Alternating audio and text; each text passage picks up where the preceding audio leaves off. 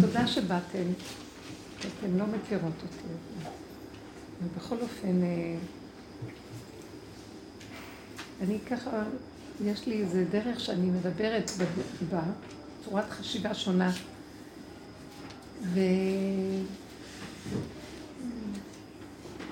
הרבה שנים אני מסתובבת בכל מיני מקומות בארץ ומדברת.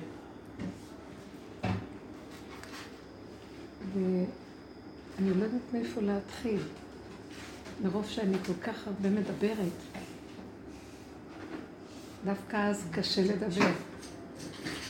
אבל בכל אופן, נתחיל במשהו. אולי אני אתחיל פרשת, שופ... מה שדיברנו בפרשה הקודמת, שופטים. כתוב במסכת שבת,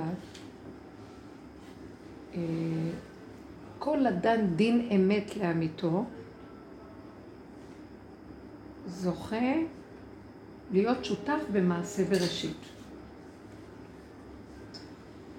אז נשאלת בעצם שאלה. יש, כי, יש כביכול דין של אמת, ויש דין של אמת לאמיתו, ומה הקשר בכלל של מי שדן דין אמת יהיה שותף למעשה בראשית? מאיפה לקחו את זה לזה? אז לדון דין אמת זה לא דבר פשוט.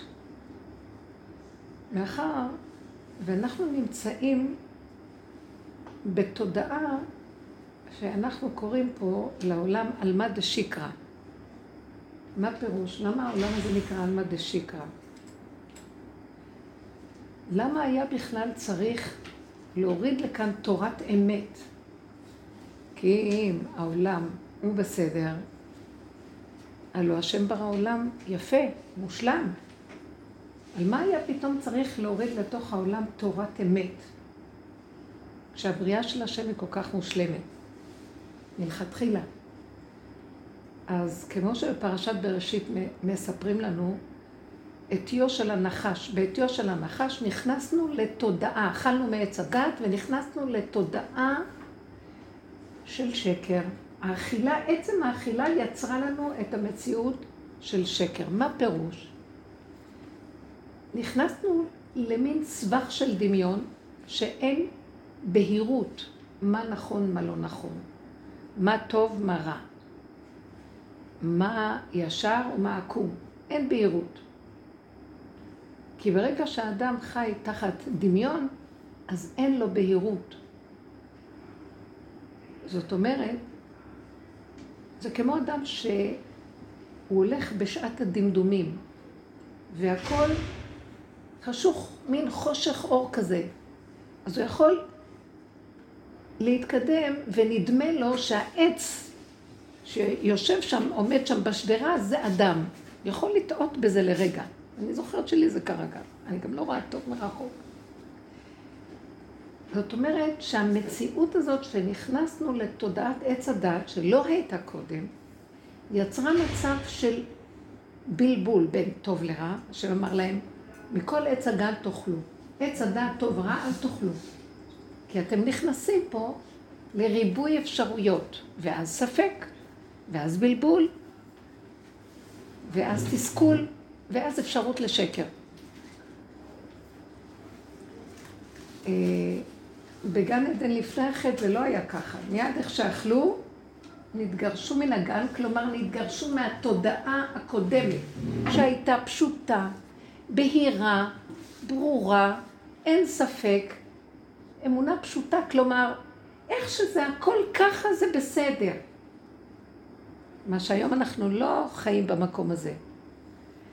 ואז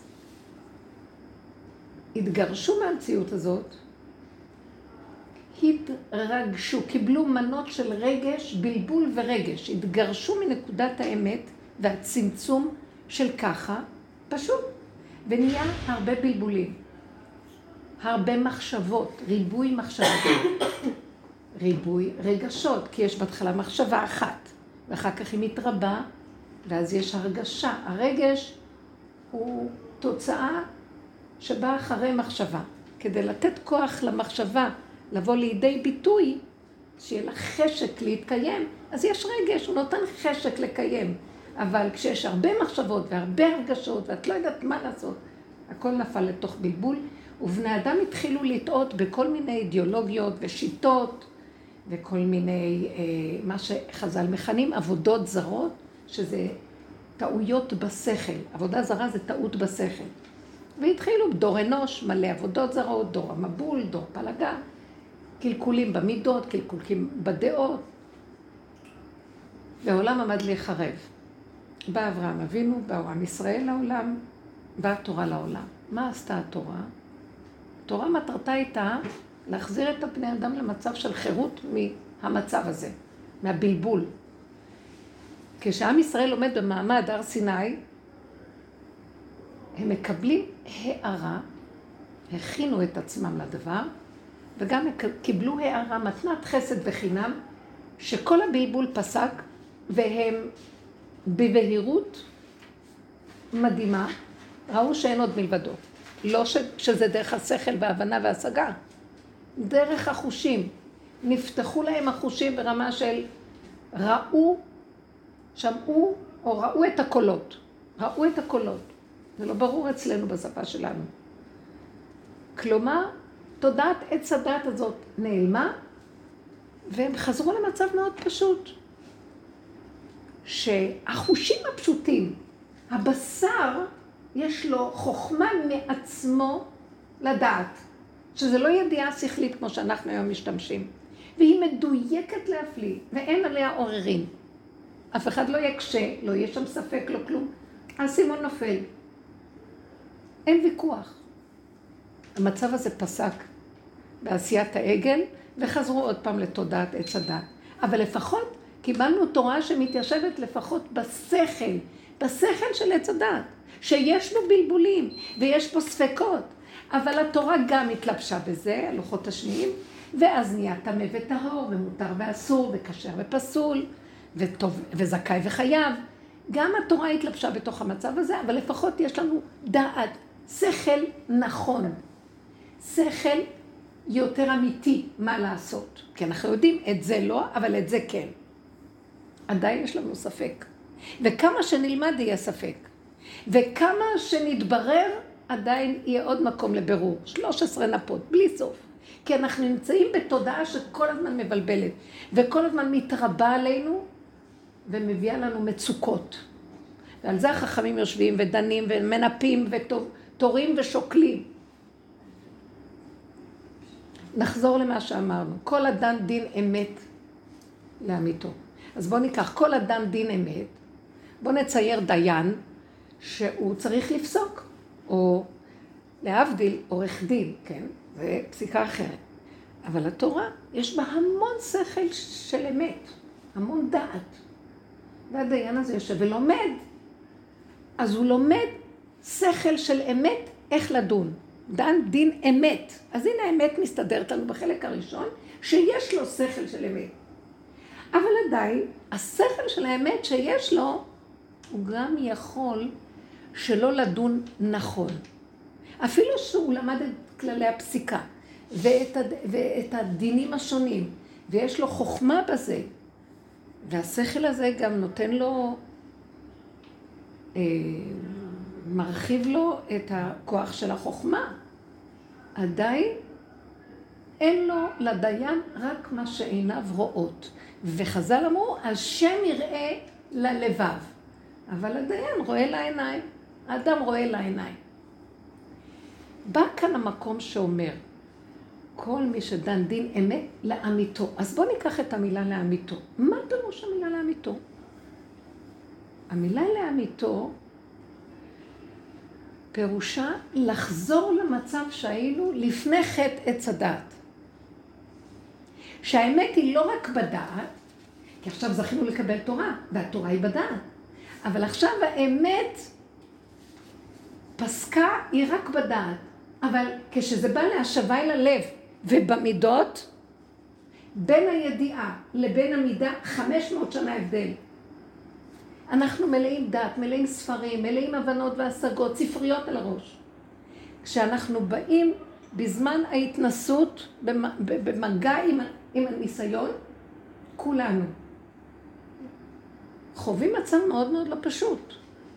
לאן נעלמה, נעלם כל הביטחון והידע והכל, ואני עומדת מעורער ובמצוקה. לא עומדת לי הדעת הרחבה שיש לי. אז אם כן, האמת לאמיתו, חז"ל אומרים, כל אדם דין אמת לאמיתו. זאת אומרת, אנחנו צריכים עכשיו להבין מה זה לאמיתו. זה מקצוע בפני עצמו. ובכן, אני רוצה לקשר את זה לאיזה נקודה. שכתוב לקראת הסוף, שלושה ימים לפני בוא משיח, יבוא אליהו הנביא ויעזור לנו לעשות תשובה. ומה תהיה התשובה של אליהו הנביא? היא לא תשובה של סור מרע ועשה טוב, שזה ברור הדעת, מה השכל הנכון, מה השכל הלא נכון. זה תהיה תשובה, הוא יראה לנו תשובה של לאמיתו, כי הוא איש אמת. ושבת עד השם אלוקיך. זה לא תשובה של אני קיים, כי קיבלנו אני כתוצאה מאכילת עץ הדת, נפרדות מהבורא ותחושת ישות עצמית ודמיון שאני מציאות בפני עצמו. נכון שהמציאות הזאת מתחנכת להבין שהיא צריכה לעבוד את השם והיא צריכה להיות עם שכל של אמת, אבל עדיין יש לי תחושה של אני שמוביל. וגם בקרב אלה שלומדים את השכל של האמת, יכולה להיות תחרות וקנאת איש מרעהו ומצוקות מסוימות. יבוא אליהו הנביא ויגיד לנו, אני אלמד אתכם איך לעשות תשובה. לא תשובה שרבנו יונה בשערי תשובה אומר לנו, סור מרע עשה טוב וחרטה וידוי ויקבל עצמו על הלהבא. אליהו הנביא יכריח אותנו ללכת עד הסוף עם האמת. ולראות את מציאותנו באמת מתחת לידיעה. מבחינת ההשבה אל הלב. הוא יסגור לנו את הדעת, הוא יגיד לנו, בוא נסתום את הפתוח ונפתח את הסתום. ובוא נתחיל להתבונן איך אנחנו נראים. כתוב שאליהו הנביא יבוא להורות תשובה לצדיקים. יבוא להחזיר צדיקים בתיובתא, ככה כתוב. לא, טוב, אלה שלא בחילוניות ולא עושים כלום, אז אנחנו זורקים ציציות, עושים זה, ואנחנו יותר טובים מהם, אנחנו מראים להם איך לצור מרע ולעשות טוב. אליהו הנביא יבוא לכאלה צדיקים כמוני, כמונו, ויגיד לנו, hmm, את חושבת שאת כזאת צדיקה? משהו, משהו. הוא יתחיל להראות לי מי אני, איך. זאת אומרת, הוא לא יבוא וידבר איתי, אבל תראה תודעה מסוג אחר. וזו התודעה של התשובה, שהיא תביא אותנו למקום שלה לאמיתו. בואו נצייר את זה הלאה. הוא יתחיל ללמד את הבני אדם, שכל פעם שהוא נמצא בזמן התנסות בינו לבין חברו, אפילו בינו לבין עצמו, כי גם אני ביני לבין עצמי, אני ביני לבין איזה חלק שונה שלי, חבר, שמנגד אותי, מחשבה שמנגדת אותי, הרגשה שמרגיזה אותי וכן הלאה. הוא יתחיל להגיד לי, למה את מתרגזת על השני? כי הוא לא צודק, אני אגיד. כי בשכל זה לא צודק. אז נניח שאת טוענת שזה נכון, ובשכל אני מסכים איתך, את לא צודק, הוא לא צודק. אז למה את מתרגזת? כי אם את יודעת שהאמת איתך, אז למה את כל כך מתרגזת? מה אכפת לך? את יכולה להגיד לו פעם, פעמיים, אבל כשאת רותחת, וגם את לא תזוזי משם עד שהוא ידע שהצדק איתך ולא איתו. אז אה, אם כן, חוץ מזה שכאן יש ברור של דעת, יש גם במידות משהו שאת את רואה את עצמך איך את נראית? כועסת, רוגזת, נצחנות, נקמנות, אה, וכחנות, גם שנאה לפעמים צפה. אז חזרי לאחורייך והתבונני. ותתחילי לפתוח את מה שאת לא רוצה לראות, עזבי את השני, הוא רק הזדמן לך מאת השם כמראה ומקל וסיבה להתבונן בעצמך, תעשי תשובה. כזאת תשובה יתחיל להראות לנו, וזאת תהיה שעה קשה. ברור שאנחנו נתחמק ונגיד, רגע, זה לא כל כך פשוט. אם לא היו מרגיזים אותי, אז לא הייתי מגיבה ככה. אז הוא יגיד לי, לא, תמיד יש בך את התכונות האלה, רק הוא פשוט מראה לך אותן. זה צף. זו הייתה סיבה שהציפה לך את זה. זה לא תלוי שהוא אומר לך כך או כך. מישהו אחר יבוא ויגיד משהו אחר, זה גם יקרה. יש בתוכך דברים שאותם אני רוצה. אני רוצה שתיגעי בהם לתועלתך. ואדם מתחיל לחפש את האמת לאמיתו של עצמו. ומה היא? קשה. ומי רוצה בכלל לפגוש אותה? לא סתם שאנחנו סוגרים אותה ובורחים ממנה. הרבה יותר טוב להיות בשמיים ולהיות רוחניים ויפים וצדיקים וידניים ועם ספריות על הראש. חמור נושא ספרים. מה שלעמוד ולהתמקד בשלילה נוראית של עצמך למה כל כך קשה לי לקבל את השלילה של עצמי, אני שואלת. זה מאיים עליי. אני כזאת שלילית? כי תודעת עץ הדעת טוב לא יכולה לשאת את הרע. כי אמר להם הנחש, אם תאכלו מעץ הדעת טוב ורע, וייתן כאלוקים, אז כל הזמן אני שואף להיות אלוקי וטוב. פתאום מראים לי שאני בהמה קצת. זה מאוד מאוד מאיים עליי. אז הנה היסוד של החיים שלי. שאני כל הזמן בדמיון, שעוד מעט קט אני הולכת להשיג, ועוד מעט אני אגיע, ועוד מעט אני אהיה שם במדרגות הכי גבוהות. ורק במקרה אני כאן. זה רק במקרה קרה לי. אני אתנצל, ותכף, תכף תראו, אני משהו אחר לגמרי. אומר לנו אליהו נביא, זה לא כך. שתדעו שכל התהליך העיקרי של גילוי השם עליכם בחזרה, וגילוי האמת לאמיתו, יצטרך שתישארו במקום הזה שלא תזזו ממנו. זה המציאות שלכם. אתם תמיד חסרים, והחיסרון הזה, אתם מפרשים אותו כשלילה, אבל זה בכלל לא שלילה. זה לא שלילה. כי ככה בראתי אתכם, שאתם החסרים, ואני הבורא המשלים אתכם. אז למה אתם מאוימים? זה גוף האכילת עץ הדת יצרה שאנחנו עוד מעט קט הדמיון, נהיה אלוקים, עוד מעט קט נגיע ועוד מעט קט נשיג. ואתה מרחיק אותי מהמטרה שעוד מעט אני, אני, אני רוצה להיות בטוב, בגובה. זה שקר דמיון שלא נגמר. פרשת ניצבים כותב לנו, כותבת התורה ואומרת, לא בשמיים היא, לא מעבר לים ולא בעץ רחוקה. בפיך ובלבבך לעשותו. תרדו לפשטות. כל הגלות הזאת היא גלות של גלינו מארצנו ונתרחקנו מעל אדמתנו. אנחנו בעצם עפים באומות, בתודעת אומות העולם. מלאכיות, שאומות העולם התודעה שלהם היא מאוד מלאכית. תודה. תודה רבה. זאת אומרת, אנחנו בגובה, אנחנו מושלמים, אנחנו יפים, מכוסים, ובפנים תיבת פנדורה, נחשים ועקרבים. ואנחנו אפילו לא יודעים. אוי לנו מיום הדין והתוכחה כתוב.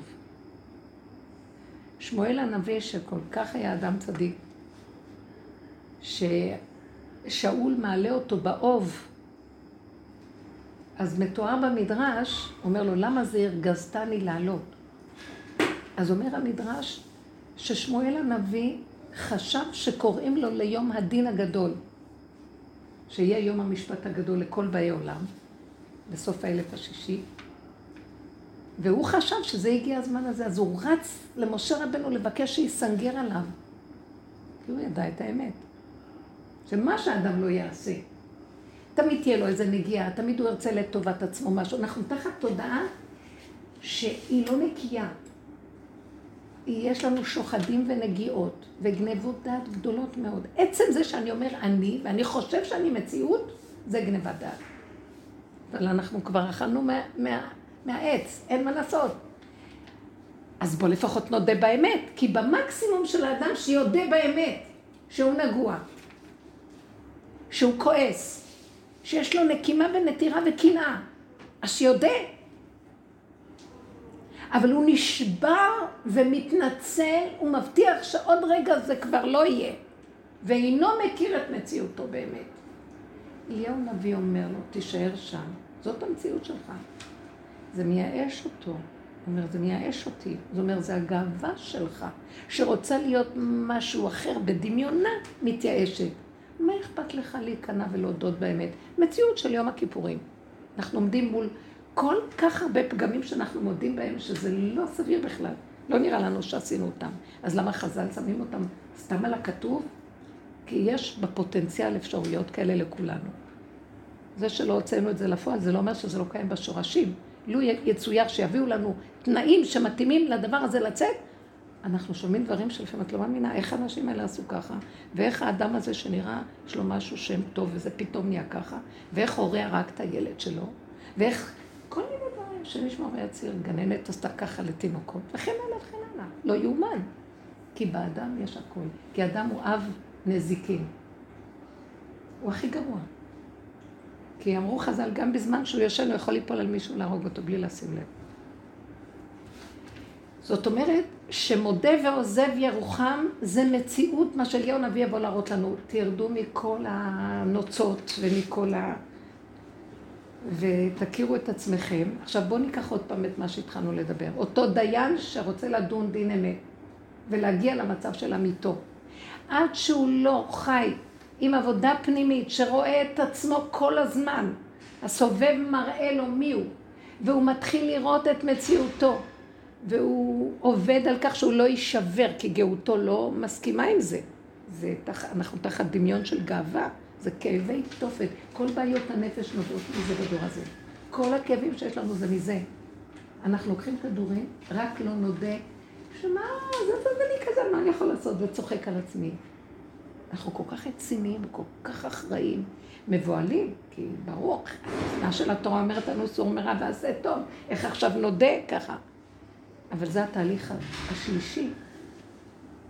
סור מרע, עשה טוב, תלמד דין אמת, אבל עכשיו תרד למטה, כשאתה יורד לתוך המציאות שלך, אתה סוגר את כל הדעת הזאת, היא נסגרת לך, ואתה רואה, אתה מתמקד לא בנצחנות וידע והכרה שאתה משהו משהו, אלא אתה רואה בפועל מי אתה, וזה שובר אותך.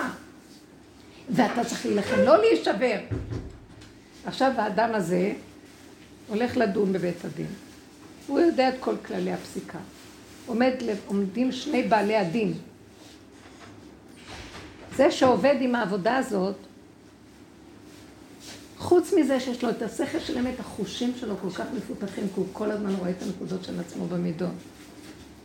והוא מקבל, והוא נכנע, והוא מודה. אדם כזה רואה את בן הדין, החושים שלו קולטים, מעצמו, מאיפה הוא יודע שהשני רמאי? מעצמו הוא יודע, כי הוא יודע שגם הוא, הוא כזה גם. הוא לא מוציא את זה לפועל חלילה, אבל הוא כולל ש... מתוך מציאותו, מבשרי, אני יכול לראות את השני. עכשיו, האדם הזה, יש לו מעלה יותר גדולה מכל אדם שהוא רק יודע בדעתו את כל הדעת הרחבה והשכל וזה. יש לו גם מקום שהוא רואה את מציאותו השלילית ולא רק זה שהוא רואה את זה, הוא גם, זו העבודה הכי קשה בעולם, הוא נכנע ומקבל. זה נורא קשה להודות באמת. זה הדבר הכי קשה בעולם. ואפילו ביני לביני, שאני לא אדבר עכשיו על השני, אני אתהפך ואני לא אגיע למסקנה, טוב, אני זוכרת דברים שהכאיבו לי, ואני מתהפכת, לא יכול להיות, כן יכול להיות, מה, אני כזאת, לא כזאת, לא כזאת. וראיתי שעוברת עוד שעה ועוד שעה ועוד שעה, ונהיה שלוש לפני בוקר, ואני לא ישנה ואני מתייסרת. בסוף אמרתי לעצמי, אז תסכימי שאת כזאת ותשני כבר. איזה מנוחת הנפש ירדה עליי, אמרתי, טוב, אני כזאת. דפוק. אבל זה מה שאני, וזהו. בהשלמה נהיה רגיעות, הלכתי לישון טוב. זה בן אדם שחי לאמיתו, זה רק דוגמה. אני רוצה לעבוד, להגיע למקום הזה, אבל אני אומרת, עכשיו, אחד כזה שדן דין אמת לאמיתו, והוא כל הזמן מדבר עם עצמו ורואה את מציאותו, הוא נכנס צמצום אחר צמצום פנימה, שם פנס בחורים ובסדקים. נכון שהוא גם יוצא החוצה וגם מתווכח ואומר, ועדיין רוצה לגאול את, אה, את הגאווה הנפסדת שלו, לא קל לוותר, אבל הוא תמיד חוזר לאחוריו ומודה שבעצם חבל לו על כל ההתרחבות הזאת, כי בסופו של דבר האמת נמצאת בזה שהוא יודה וישתוק.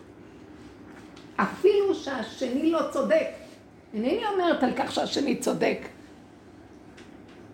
זאת אומרת שאני צודקת והשני לא, אלא בבירור, או שסליחה, שאני לא צודקת והשני צודק, אלא בבירור שהוא לא צודק. זאת אומרת, אני באיזשהו מקום רואה בני אדם מתווכחים, שאני לא, אני רואה את עצמי, אני לא צודקת ואני מתה לנצח. ואני יכולה לשקר את עצמי. כל כך האדם נגוע. אז אני אומרת, אפילו אם אנחנו רואים שאנחנו במאה אחוז צודקים, גם אז לשתוק. אם אין דברינו נשמעים, אז כנראה שרוצים ממני הכנעה, השלמה, קבלה, הכלה, בריאות הנפש לגמרי. והאדם הזה מתחיל להיות איש אמת. אליהו הנביא היה איש אמת. צמצום אחר צמצום אחר צמצום מודה באמת. שתהיה גרועה ככל שתהיה. מקבל חושים מסוג אחר, ועכשיו, תבינו מה קורה פה. מה? בואו ניקח את החלק האחרון, תכף אני... כתוב כל מי שדן דין אמת לאמיתו נעשה שותף למעשה בראשית. מה הקשר עכשיו לשותף למעשה בראשית? למעשה האדם לא יודע מה זה השם. זה דמיון שאנחנו מחפשים את השם. אף פעם לא נדע מה זה השם. אין הדת יכולה להשיגו. אין מדע שיבינהו ואין בינה שתד... אין מדע שידעהו ואין בינה שתבינהו. כי אם אני הייתי יודע את בורי, אז אילו הייתי, אילו ידעתי והייתי. אבל בתודעה שאנחנו חיים בה, אנחנו מדמיינים. אנחנו מנסים להבין בשכל האנושי, ואנחנו מענישים באלף את השם, עושים כאילו הוא כמונו. ואז שיהיה לנו ברור, כדי שיהיה לנו יותר קרבה אליו כביכול. אבל באמת, באמת, באמת, רחוק, רחוק מאיתנו. אני אמחיש את זה עוד קצת. בפרשת עקב יש מצווה. זה מצוות היראה. חז"ל כינו אותה מצוות היראה. פסוק כ' את השם אלוקיך תירא, אותו תעבוד, בו תדבק ובשמו תשבע. אז מה זה את השם אלוקיך תירא כאשר אני אומרת שאני לא יודעת מה זה השם? אני יכולה להתיירא מהחוקים והדינים שהוא נתן לי בתורה. למה שאני אתיירא מהחוקים והדינים? זה חוקים טובים אשר יעשה אותם האדם וחי בהם. אז למה שאני צריכה להתיירא מהם? אבל אתם יודעים מה זה האמת לאמיתו פה? שאני מתיירא מעצמי. שאני מתחיל להכיר מי אני. אין לי יראת השם. יש לי יראת ההכרה של מי אני. אני אב נזיקין. אדם לא אוהב להגיד את זה. אני יכול לקלקל. נשים רחמניות בישלו ילדיהן. מהרסייך ומחריבייך ומחצהו. תודעת עץ הדת לא רוצה להכיר את זה, היא לא מעוניינת בדבר הזה. זה שובר אותה, זה מאיים עליה. כי היא מעדיפה את התדמית החיובית. זאת אומרת, זה מייאש אותי מה שאת אומרת. אז ממה נחיה אם אני אהיה בייאוש? אני אומרת לה, תחי מהשם, את רוצה לחיות מהשם? ברור.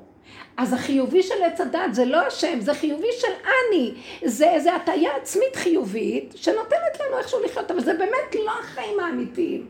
עובדה שמחר מישהו יגיד לך איזה אה, עלבון או משהו, תשברי לרסיסים, ועוד פעם מחרתיים ועוד פעם. ו... אז אם כן, את רוצה טיפול שורש?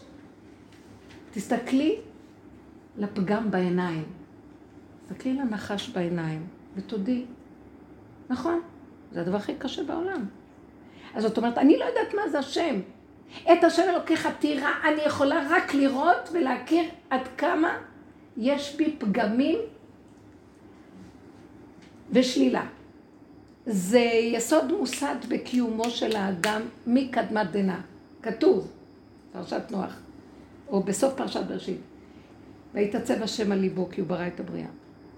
כי יצר לב האדם רע מנעוריו, ומחשבות ליבו רק רע כל היום. וחז"ל אמרו, בטרם ננער מבטן אמו, לפתח חטאת רובץ.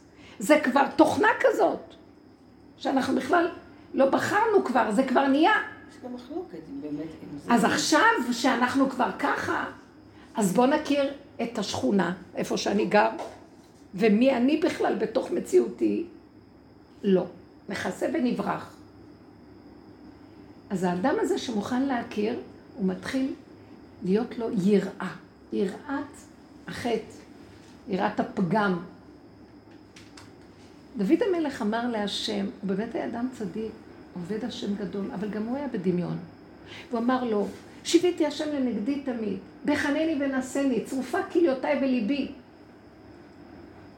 אני, כי צדיק אני. אמר לו השם, חייך, שאתה חושב ככה? והביא לו את ניסיון בת שבע. וכשבא נתן הנביא להוכיח אותו, הוא אפילו לא קולט מה אומר לו, הוא לא חושב שבכלל זה נגוע בו. והנביא עומד לפני מלך, הוא לא יכול סתם לבוא להגיד לו ככה בפנים. אז הוא מביא את זה בלבוש של משל, כבשת הרש. ופתאום דוד המלך קולט, לא לפני שהוא אומר, בן מוות האיש שעשה ככה. אז נתן הנביא כבר אומר לו, אבל זה אתה.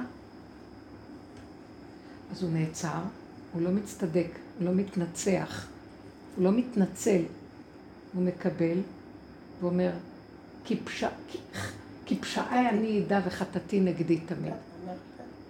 חטאתי נגדי תמיד. זאת אומרת, וואו, אני עכשיו קולט שקודם אמרתי שיוויתי השם לנגדי תמיד, עכשיו אני צריך תמיד לצרף גם וחטאתי נגדי תמיד. כי בשכל אני באמת רוצה לשים אותו מול עיניי, אבל זה דמיון. האמת היותר גדולה שאני חסר. חטאתי נגדי תמיד. איך לא שמתי לב לדבר הזה? אני גנוב. והוא נכנע. עכשיו בא נתן ואומר לו, את זה השם רצה ממך. מודה ועוזב אותך. גם חטאתך תסור. השם לא יעניש אותך כי הודית בחטא. כי האדם, הוא לא יכול להיות צדיק. במקסימום הוא יכול להודות שהוא לא צדיק בהשלמה מוחלטת. וזה דמיון שאנחנו יכולים להיות צדיקים. אומנם נכון, אנחנו משתדלים, אבל לא צריך להשתדל הרבה. הדבר היותר נכון זה לעשות את מה שהשם ציווה אותנו, ולשאוף להיות אמיתיים. ולא דמיוניים רוחניים כדי שיהיה לנו תדמית חיובית טובה, כשמזה אנחנו חיים. תדמית, מה אומרים עליי, איך אני נראה בעיני השני, בקהילה אני חשוב. בעיני השם, מה אתה יודע מי אתה בעיני השם? כי רגע אחד שאתה חושב שאתה משהו, כבר לקחת וגנבת את הכתר של השם מעצמך. כי אצל השם סביביו נסערה מאוד, הוא לא יסבול את השקר ואת הגנבת דעת. יבוא אליהו נביא איש האמת, שחיפש אמת עד הסוף, וקטש את עצמו, כמו דוד המלך, עד הסוף. ויראה לנו איך עושים תשובה. חבר'ה, אין הנחות בדבר הזה. מי שרוצה לקבל פני משיח באמת, הוא חייב להודות בפגמיו. קודם כל להכיר, להודות ולהשלים ולקבל, ובסוף גם לצחוק. כי לא יוצאים מזה. מה שאנחנו לא עושים, למחרת עוד פעם. זו תודעה כזאת שתמיד תחטיא אותנו. עובדה יום הכיפורים הזה כבר 3,500 שנה. אנחנו אומרים אותו. נראה לנו אחרי יום כיפורים כבר נהיינו משהו, משהו, פתאום עוד פעם אחרי שנה יש יום כיפורים. כי ככה התוכנית פה. והבן אדם שמתבונן בא אלינו ואומר, אני רוצה להוציא אתכם מהפלונטר. אני בא שלושה ימים לפני משיח, אז בואו נעשה הכנה. תרדו למציאות של האמת לאמיתה. ואז כל הידע הנפלא שיש על התורה והכל יתחיל להצטרף לידע. אבל דבר מאוד מעניין קורה. כי ברגע שאתה מגלה את האמת לאמיתה, נעלם לך השכל של האמת. זה דבר שקשה להבין אותו. אתה רואה שזה שכל של אמת, אבל זה לא אמת ממש. האמת ממש זה בגוף, מבשרי אחזה אלוקה, בבשר ודם, בהתנסויות, על אדמת בשרנו, אדמת ארץ ישראל. זה לא תודעת הגלות. זה היופי של ארץ ישראל, אם היינו באמת מבינים מה, מה החשיבות המדהימה שלה, אז היינו מבינים שזו ארץ לא של ספרים ותודעות. היינו מחפשים, נכנסים לדלת אמות לבחינת לך מבוא בחדריך, צמצום אחר צמצום, עושים תשובת אמת, ומחפשים את עצמנו ולא את השני, עד שהיינו הופכים להיות הקרקע, הכיסא, הדום רגליו של השם, מבוטלים אליו. כי אין אתום בבשרי מפני זעמך, ואין מקום שאני יכול להגיד שאני משהו בו, וככה זה צריך להיות, וזה בכלל לא צריך לשבור אותנו, כי זה כל האדם. בשביל זה האדם נברא. להיות כלי גולם של בורא עולם, שהתודעה של האמת תרד בו. ואדם לא רוצה את זה. משיח זה כלי כזה. בוא נלמד, אליהו הנביא יבוא לעזור לנו להגיע למקום הזה. וזו עבודה בפני עצמה. זה לא אומר שלא נלמד, אבל פתאום נתחיל להגיד, ביחס לכמות של הידע שיש לנו לעומת כוח היכולת להכיל את הרגע של ההתנסות, אין פרופורציה בשום אופן, וזה מה שמפריע לנו גם להגיע למקום הזה. ובני אדם יתחילו לחפש את האמת לאמיתה. לא רק את השכל ואת הדעת של האמת. לא כל שכן שהיום גם השכל של האמת יתחיל להתערבב. מרוב שהגאות והישות והדמיונות של הבני אדם עלו וגבהו לכל לראש. אז כבר הכל התבלבל ואין לנו איך להחזיק ראש. אז בואו נחזור. אם האדם הזה שעובר את מצוות העירה, את השם אלוקיך תירא, זאת אומרת, הוא לא ירא את השם, כי הוא לא יודע מה הוא. הוא מתיירא מהתורה, מהמצוות, אבל הוא מתיירא יותר מעצמו. אם הוא תופס את המקום שהוא בעצם זה, שוכן בתוכו כוח של יצר תמידי, שאם השם לא יעזור לו, לא יכול לו. ומקטרג עליו, אוויר מלא קטרוגים ממנו. אז האדם מתיירא, אז הוא עובד כל הזמן על הנקודה שלו, את השם לא ככה תירא. אותו תעבוד, בוא תדבק. עד שאתה מגיע למקום שאתה אומר, רגע, הסתרת פניך, הייתי נבהל, אני לא יכול לחיות פה בלעדיך רגע, כי אני בסכנה נוראית. זה לא כל כך פשוט שיש לי ספרייה ואני יודע, ואני חיובי ואני אה, מוצלח בחברה ובעולם. זה לא, לא פשוט.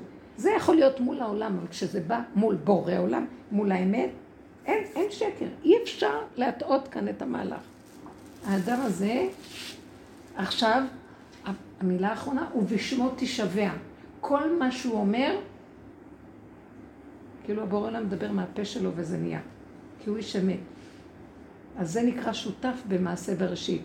זה החלק שאמרנו, כל מי שדן דין אמת, נעשה שותף במעשה בראשית. כי מה השם אמר וזה נהיה, ברוך שאמר והיה עולם, השם אמר וזה נהיה, ככה הבן אדם הזה אומר ונהיה. אז דין אמת לאמיתו מאפשר לבן אדם להיות שותף בבריאה. מה אני בורא, אף אתה בורא. עד כדי כך. זה מה של פרשת משפטים כתוב. שאנחנו נחפש את עצמנו עד הסוף, נחפש את נקודת האמת, צדק צדק תרדוף, ולהיזהר מכל הנגיעות והשוחדים על ידי ההתבוננות העמוקה במידות, בתהלוכת היום-יום שלנו, וכל ההתנסויות, על מנת לזכות להגיע לאמת. האמת הזאת היא ביחידה, היא קטנה. היא לא, אני אלך לפרסם את כול לעולם. אני כבר מפחד, אני מפחד מהעולם בכלל, מה אני צריך ללכת לפרסם את זה? הלוואי ואני אזכה לקיים את זה ביני לביני. ואז האדם הזה מתחיל להיות... אה, זה לא כמו שאנחנו חיים בתרבות שלנו, מחפשים כבוד ופרסומת ותמונות ושידעו עלינו, אפילו שאנחנו לא רוצים. אנחנו לא רוצים להיות מפורסמים, אבל אם מישהו רוצה לפרסם אותנו, דווקא אנחנו נהנה מזה, למה לא? באמת, אנשים של אמת לא רוצים את זה, מפחדים. הם רוצים, אבל הם יודעים את הסכנה. מי שמחפש את האמת מפחד מהפרסום והכבוד. כי ישר יביא אותו בניסיונות לא נעימים ויתחילו לחשוף אותו, אז הוא מפחד. זה הפחד האמיתי שיש לאדם, לא פחד מהשם. פחד מהשם שלנו הוא ערפילי, הוא דמיוני, הוא רוחני, והרוחניות היא שקר. היא דמיון. האמת היא גדולה, יותר גדולה מהרוחני. עכשיו רציתי לשאול משהו. ברוך אתה אדוני אלוהינו מלך העולם שהכל נהיה בדבר. האנשים שבמציאות, מתקיים המציאות, רואה את האנשים שלא חיים בדמיון, והם לא חושבים שהם משהו, ולא משתגעים שהם משהו, אלא הם מקבלים את עצמם, משלימים עם החסרונות שלהם וכולי. בפועל, אני רואה שהם אנשים שבאמת פחות דורשים מעצמם. ואלה שבאמת... נקודה מאוד יפה. זה ברור מאליו שהתודעה שאנחנו חיים בה היא תודעת, היא תודעה שהיא נידונת להרס עצמי מוחלט. בסוף הנחש יעקוץ את עצמו אחרי שעוקץ את כולם. זאת אומרת, הוא כל הזמן שואף ושואף ושואף ורוצה להגיע ורוצה להגיע. לאן הוא רוצה להגיע? לאן אתה רוצה להגיע? אין לאן להגיע. השם הוא מציאות אין סוף. מה אתה רוצה להתחרות בו? כי הנחש אמר, תאכלו מעץ הדת וייתם כאלוקים. לגדול, לגדול. למה? את יודעת שאין סוף ללגדול? יש אין סוף. למה לגדול? זה ציווי. כי הוא מדומיין שבגדול, השם נמצא בגדול. מאיפה הוא יודע? אולי השם הוא קטן. וכי את יכולה להגיד שהשם הוא גדול קטן לפי השכל של האדם? פעם רבי לוי יצחק מברדיצ'ב, הלך, ואז מישהו יהודי לפניו רץ, אז הוא אמר לו, שלום עליך רביד. אז ההוא אומר, אין לי זמן לענות, אין לי זמן לענות. אז הוא אומר לו, למה אתה רץ? לאן אתה רץ? הוא אומר, אני מאוד מאוד עסוק, אני רץ לפרנסה, אני רץ לעשות דברים, אני רץ, אה, השם אה, יעזור לי, אני צריך לרוץ. אז הוא אומר לו, מנין לך שהשם מקדימה, אולי הוא מאחורה? זאת אומרת, הדמיון שלנו, בגלל אכילת עץ הדת, הוא כל הזמן שואף לגובה. והכי ממחיש את זה, שעלה על כולנו, זה המן. יושב חמ... גובה עץ חמישים אמה, הכי גבוה, מה שאומרים ככה, זה מה שנקרא מושג. מושאל. מושאל, כן. וצופה על כל העולם. ומה? וכל זה אינו שווה לי, הוא אומר. טוב, תגיד, אתה יושב הכי גבוה? טוב לך שם? מה פתאום? זה לא מספיק. תראה, מרדכי לא משתחווה. לא. לא קרה לי. זה שיגעון הגדלות. אנחנו בסוף נתפוצץ, נמות. זה היה דור הפלגה. הם גם כן הלכו, עשו מגדלים באוויר, ובסוף הפכו להיות קופים. זה שקר ושיגעון. עכשיו ככה, כתוב על רב זרע מהסבוראים בבבל, שהוא מאוד מאוד רצה לעלות לארץ ישראל. כי הוא הבחין שתודעת, לא תודעת, תורת בבל, תורת תלמוד בבלי, תורת בבל, היא מאוד מפולפלת ושכלית, הם גאונים, בשכל מפלפלת, מפלפלת. והוא אמר, אני כבר, אני רוצה, אני שואף לתורת ארץ ישראל. בוא נגיד בערך של הגלות היום, הליטא וכל הלימוד של היום והכל. אבל הוא פחד להגיד את זה לרב שלו. הוא הסתיר את זה מרבו. והוא נכנס למצב של צום של 40 יום. יש כאלה שאומרים 100 ימים. 40 יום. כדי לשכוח את תורת בבל. תודעת עץ הדת. כי תודעת עץ הדת היא תודעת הגדלות, רב. רב זה מלשון גדול בארמית. רב, גדול, גאון, חשוב. הרבה.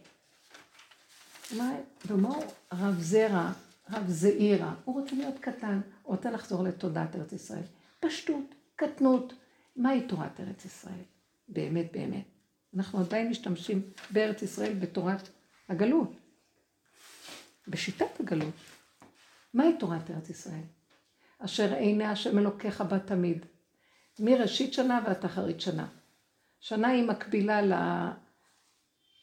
למציאות של הנפש, שנה, נפש, עולם שנה נפש, החלקים שבאדם.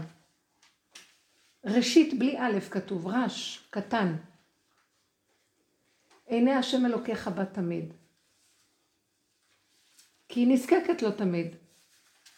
למטר השמיים תשתה מים.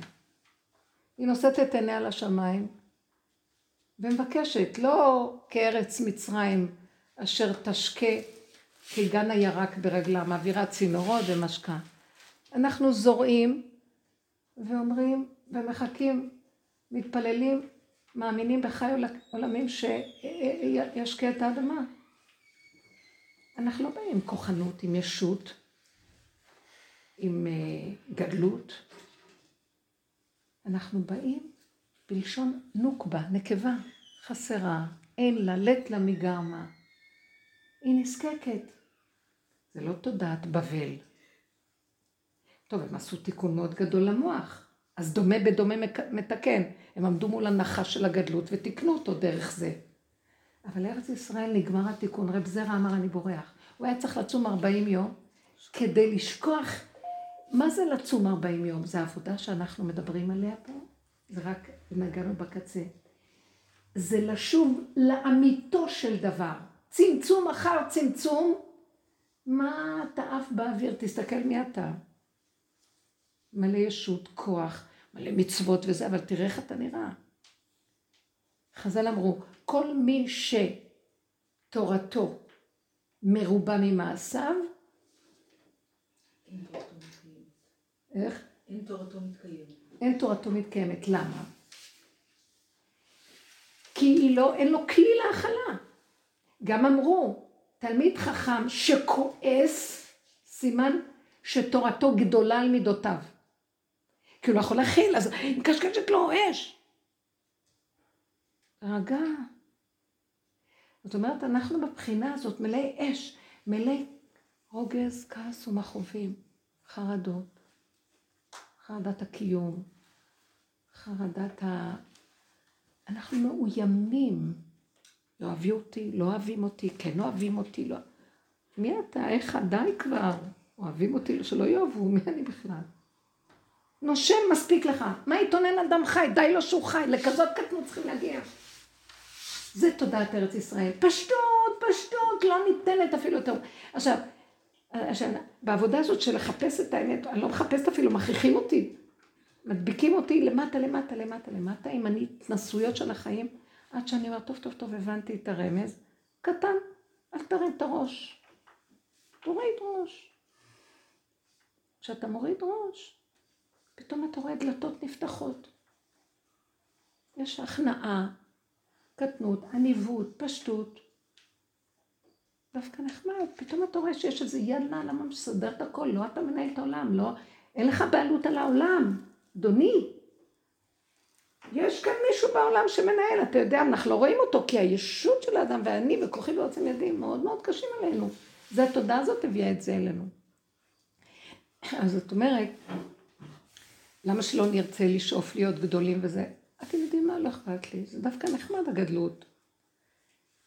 אם היא לא מביאה לי מצוקה.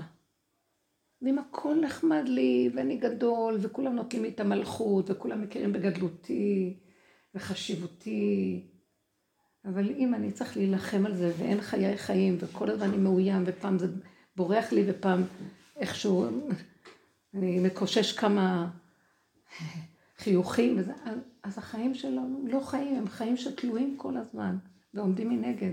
מסכן האדם הזה חייו אינם אינם חיים. כל מי שנזקק לבריות, פניו נעשות כחום. כל הזמן משתנה, משתנה, משתנה. זה לא חיים, זה לא נקרא חיים. תודעת האמת היא פשוטה, היא קטנה. מה היא קטנה? לא צריך להסתכל מה השני אומר, עושה, שאני תלוי בו. אני עושה את שלי. אם לא נראה לו, אני לא צריכה להתווכח. זה מה שאני יכול לעשות. אני עכשיו מחפש, אולי באמת יש משהו בדבריו שלא עשיתי. אני חוזר, מפשפש, מנסה לראות לעשות הכי טוב. למה אני מאוים כל כך? ואני עונה לשני ורב איתו, מה, אתה לא רואה שאני עושה כל כך הרבה? זאת עבודה פנימית בפני עצמה. אז שאומרים לנו חודש אלול, אורו ישני משנתכם, הקיצו נרדמים מתרדמתכם. אנחנו בתרדמת, בתוך כל הערנות המזעזעת של התפקודיות שאינה נגמרת, שאנחנו חיים בה, אנחנו ישנים, ישנים לאמת לאמיתה. יש לנו איזה ידע, אבל זה כמו, אנחנו מאוד וירטואליים. כן. איך ההכנעה הזאת לא הופכת אותנו למין אה, צמח כזה, כאילו, הכל מת השם, אני לא חייב לעשות כלום, בכל מקרה השם עושה הכל, כאילו, מה אני, כאילו, לא... כאילו, את מבינה כאילו... אני מבינה מאוד, אבל אני רוצה להגיד לך משהו. כשאנחנו נכנעים, אנחנו לא נכנעים למציאות. זה קורבניות. אנחנו נכנעים להשם. אנחנו נכנעים לכוח הזה שמנשים אותנו, ואני אומרת, וואו, פתאום אני קולטת, איך אני כועסת על השני? אני יכולה להרוג, סליחה, אני מגזימה בביטויים. איך אני מקנאה, איזה קנאה יש לי, אלף מיטות ולא קנאה אחת. איך אני מאוימת וחרדתית. אני חייבת את בוראי, אני אומרת לו, אבל אין לי חיים. מי שמודה באמת מחפש ישר לעמוד מול הבורא.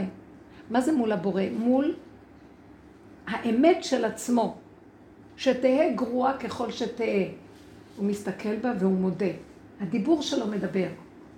ריבונו של עולם, כולנו, אנחנו מדברים, אנחנו לא יודעים מה זה השם, אנחנו אומרים, ריבונו של עולם זה ביטוי לשון. אין מתום בבשרי מפני זעמך, תרחם עליי, תעזור לי. עכשיו, אדם כזה, שהוא לא הופך להיות מין מסכן, כי בתודעת עץ הדת יש שתי אפשרויות. או שאני השליט, ואני אוקיי, מתגבר, ואני בדרכי מוחץ ארץ, ראש על ארץ רבה, או שאני מסכן, מתמסכן, אז ברור שרוב הבני אדם ירצו להיות מהמובילים, וכולנו מתחרים במקום הזה. מה דעתכם על קו האמצע? ימין ושמאל תפרוצי ואת השם תעריצי, בוא נלך אליו. גדול עליי העולם. אני, ב... אני בסכנה, תעזור לי, אתה לא יכול לעזוב אותי פה. הורני השם דרכך, הלך בעמיתך. גל עיניי והביט הנפלאות מתורתך. למה שאני אהיה מסכן? אני לא מסכן מול העולם, כי פתאום אני רואה, מי שמחפש את האמת לאמיתו ורואה דרך עצמו, הוא רואה איך העולם חי. כולם עלובים כאלה, רצים לקבל כבוד ממישהו. כולם לא יכולים לחיות רגע אם משהו לא יסתדר להם בדיוק כמו שתכננו, הם נשברים כמו משענת הקנה הרצוץ אנחנו. אז איזה מין חיים זה? אז זה שעומד כאן בצד, אומר, לא רוצה להיות כמוהם. שירוצו עד מחר ויהיו בשמיים. הם הלא עלה נידף. יום אחד זה עולה, יום אחד זה יורד. כי כאן הכל, שום דבר לא יציב פה. זו תוכנה כזאת, תוכנית, שאיך אמר קהלת, מעוות לא יוכל לתקון עת כזאת ועת כזאת, ועת כזאת ועת כזאת. ואומר קהלת, ורע עליי המעשה אשר עשה אלוקים, הוא חקר את זה. ובמקום המשפט שם, מקום הרשע, איפה שלא תלך הכל נגוע ומקולקל. אז הוא נשבר מזה? הוא לא נשבר. הוא חקר. ואמר, טוב, תעצור את הגלגל, אני רוצה לרדת. אני רוצה להיות קרוב אליך באמת. אני רוצה לחיות. לפרוס עליי, ופרסת כנפיך על המתך, נמאס לי מהשקר של העולם הזה, נמאס לי ממה שקורה פה. בריאה כל כך יפה בראת, שמיים, עצים, בריאה מושלמת, אבל התודעה מקולקלת, רעל, ובני אדם מתים בה. אז מה זה? 90% מבני אדם מתים מעין רע. היום 100% מבני אדם מתים מחרדות. ממה יש לאדם פה? כל הזמן, כל חייו תלוי מנגד. אתם יודעים איזה עולם יפה יש פה? אגיד לכם את האמת, אין כמו הקטנות. באמת, השם ריחם עליי. הייתה לי, יש לי קבוצה של בנות, שאנחנו בשיעור שלי כבר עשרים שנה בבית. יש לי כל מיני מקומות שהשם שם אותי לדבר. אז חודש ימים לא היינו בקשר וזה, והשם חזרו, היה בין הזמנים. אז אמרתי, בוא, אז טוב, בוא נסכם. בוא נסכם את כל מה שעברנו, כי מרגישים שיש איזו התחדשות עכשיו, ממש משהו חדש נפתח. תודעה חדשה. השמיים החדשים אשר אני בורא, הארץ החדשה אשר אני עושה. ממש יורד עכשיו משהו חדש. אם אין לנו הכנה וכלים, חבל על הזמן. אנחנו כאן נמקים פה. אז אמרתי להם, טוב, בואו נעשה חזרה כללית. עברנו את השואה, ככה אמרתי להם. סליחה שאני אומרת לכם מילים שהן לא קלות. אמרתי להם, כולם שתקו והסכימו, צחקנו. עברנו את תאי הגזים, סליחה שאני אומרת לכם, גם את המשרפות, סליחה שאני אומרת לכם. מי שנכנס לראות את השלילה שלו זה שחיטת האגו. זה קשה. זה קשה. מאוד קשה לבן אדם להודות באמת ולהיות תולה ארץ על בלימה. אין לו. אין לו אחיזה בכלום. אם שם הוא צועק להשם, כי בשכל הוא מבין שאסור לו להישבר, רק להודות באמת. מה הקשר בין להודות באמת ולהישבר? אבל יש שבירה, כי האגו שובר אותך לרסיסים. אבל האמת לאמיתה היא שהשם אתה מראה לי את האמת לאמיתה שלי. אני מדומיין לאללה. אם אתה לא תעזור לי, אני לא יכול כלום. מה שנדמה לי, ואני רב כל היום על כבודי האבוד, זה הכל מלחמה של התשה נוראית. זה כמו מלחמה פה היום, התשה שאין בה כלום כבר. חבל על הקורבנות. תגאל אותי כבר, תגאל אותנו. זו אותה מלחמה, הפרט והכלל אותו דבר, מי שחי באמת. אז האדם הזה יכול להגיד, הוא עבר את כל גליך ומשבריך על העבר. בסוף, השם אוהב אותו, אמר לו, בוא אליי, אני מחזיק אותך. תעזוב את כל התודעה הזאת, זה שקר העולם. אין לך חשק להתווכח עם אף אחד ולא לריב עם אף אחד ולא להתנצח ולא להיות צודק. אתה אומר, אנחנו בדרך העולם. אתה בא לדבר עם מי שאת אומרת לו, אבל ישר את רואה, כבר את חיה את הסכנה שלך. לא מקבל פעם, פעמיים. לא מקבל, לא, אז לא צריך. ריב איתו, לא צריך. אז, אז הוא יכול להגיד לי, אין בינינו תקשורת מאז שאת בדרך. ואני אומרת לו, מה הייתה התקשורת הקודמת? שרבנו כל היום, זה נקרא תקשורת? עכשיו זה שקר. אתה עושה את שלך, אתה לא רוצה, לא, אני אומרת לשני, בסדר גמור. אתה יודע מה, תקשורת מאוד יפה. יש הגינות, יש שלום, אין ניצול, אין אה, גנבת אינטרסים. משחקים אותה כאילו כל אחד דואג לעניין של השני, כאשר כל אחד יש לזה אינטרס מתחת לכל זה, זה לא יכול להיות אחרת פה. ככה החיים פה. בוא נודה באמת. כי מודה ועוזב. אני לא רוצה ככה, נמאס לי. למה? כי אני כזה צדיק? לא, כי זה מתיש אותי. כי זה טיפשי. בוא נודה באמת שאני רוצה לעשות למען עצמי. אבל אז אתה נוחית? לא. השם אומר למעני למעני אעשה. השם אומר, מדוע באתי ואין איש? הפכנו להיות משוגעים, לעשות לשני, לעשות לשני, לעשות, בסוף אני לא סובלת את השני. אז אני כן, זה נחמד לעשות לשני, אבל אתם יודעים איך? כאשר הכוס מלאה, ומה שנשפך על גדותיה, השני יכול לקבל. כשאני חסר ורץ לתת לשני, כי אני רוצה שיודע שאני צדיק, אמרה לי איזה מישהי, השכנה שלי ילדה, אז אכלתי לה עוגות, שתי עוגות גדולות, ומגע של עופות. ועוד כל מיני דברים, והבאתי לה.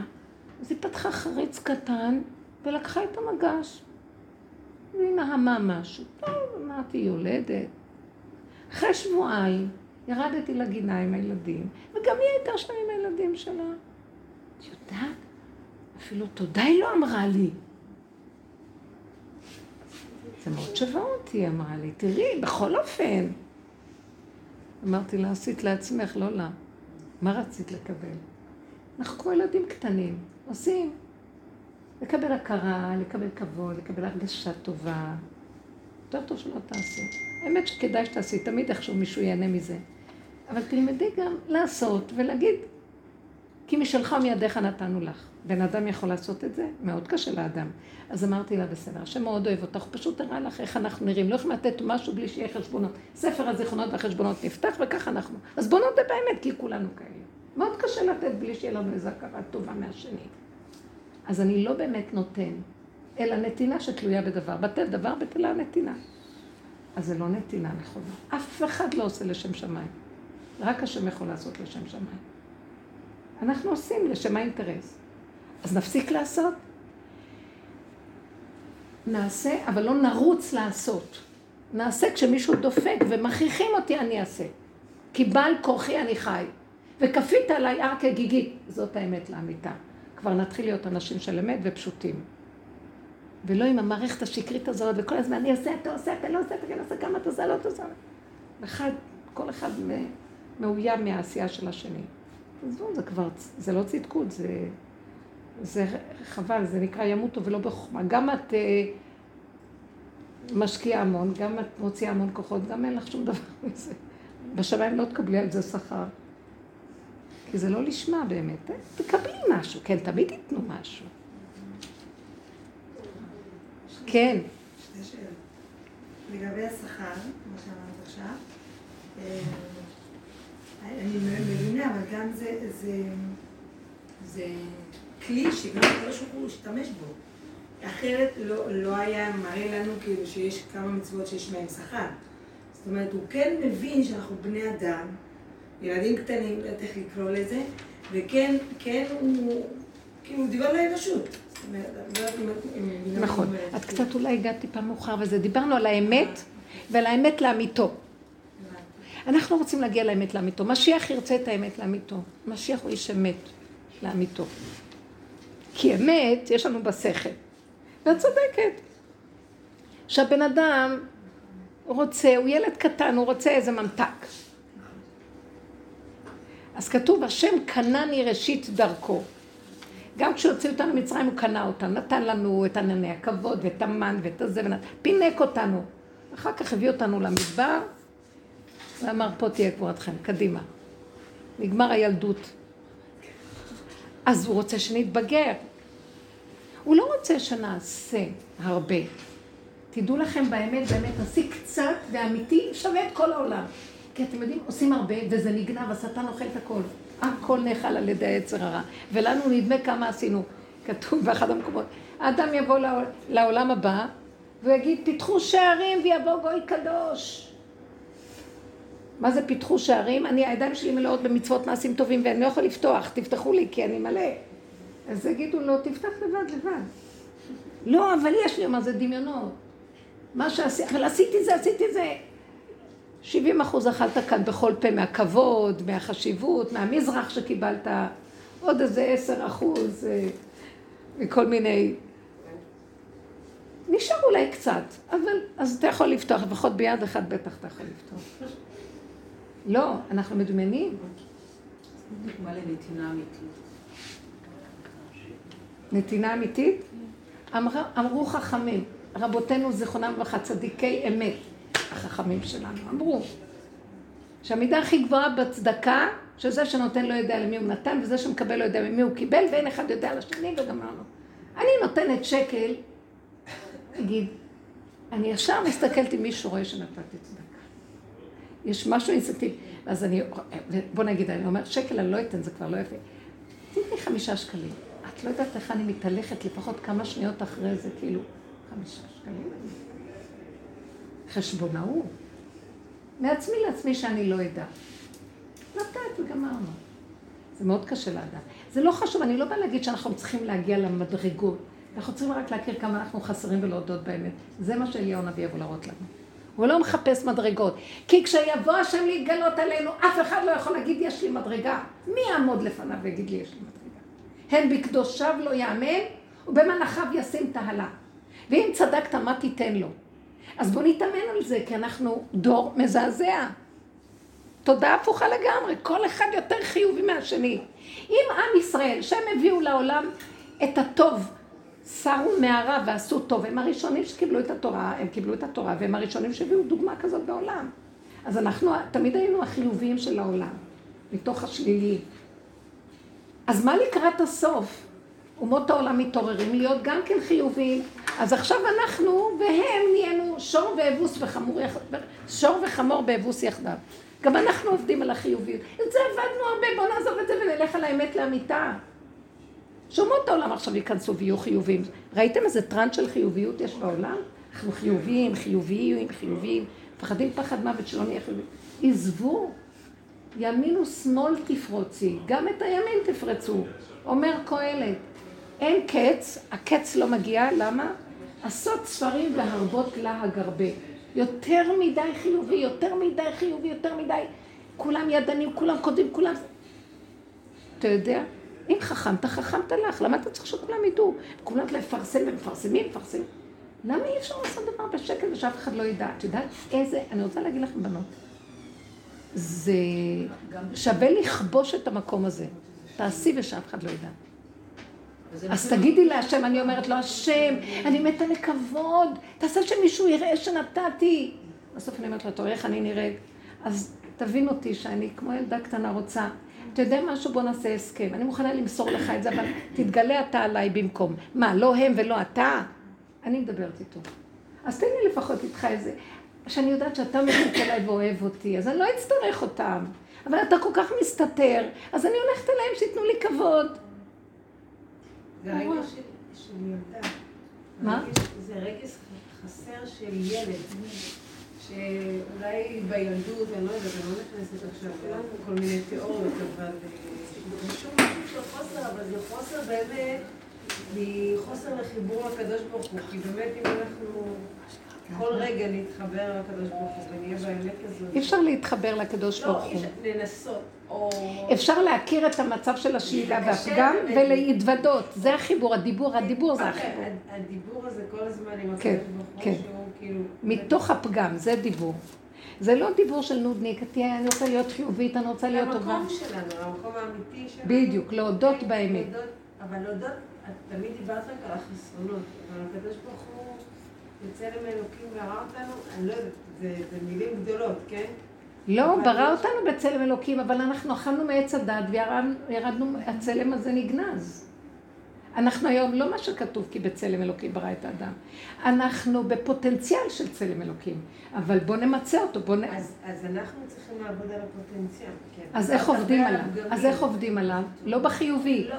לא, לא החיובי. כל הזמן להגיד... כל הזמן רק להכיר, כל הזמן להכיר, תסכימי כי זאת האמת, לאמיתה. כל הזמן להכיר מה מפריע לי להגיע לצלם בחזרה.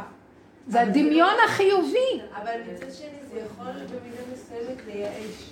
אז תעבדי על זה שלא תתייאשי, כי האמת יותר גדולה מהייאוש. חבר'ה, בואו נתבגר, תבינו מה קורה פה. אנחנו לא יוצאים מהפלונטר הזאת, מהפחד הזה, מהפחד הזה. תסתכלי על הנחש בעיניים, הוא לא קיים בכלל. הביטוי של זה, זה שאנחנו לא נהיה ברוגז, לא נהיה בעצבים, לא נהיה במין איזושהי שלווה מסוימת, שהיא תיתן לנו את הכוח לעשות מאה אחוז, מאה אחוז. כשהבן אדם מקבל, הנה דוד המלך עבר את הכל, אנחנו קוראים את התהילים שלו ולא קולטים. הוא עבר את הכל וגם הוא רצה להיות גדול וצדיק וחכם וחשוב וחנני ונעשה לי והכל. בסוף הוא אמר חטאתי נגדי תמיד. כי פשעה אני אדע, אני חסר, חטאתי מלשון חיסרון, אני חסר. אתה יודע מה השם יתברך? אני מודה בזה. ולא רק זה שאני מודה בזה, אני גם מקבל שזה המקום הכי טוב שיכול להיות. כי רק ככה מתגלה גדלתך עליי.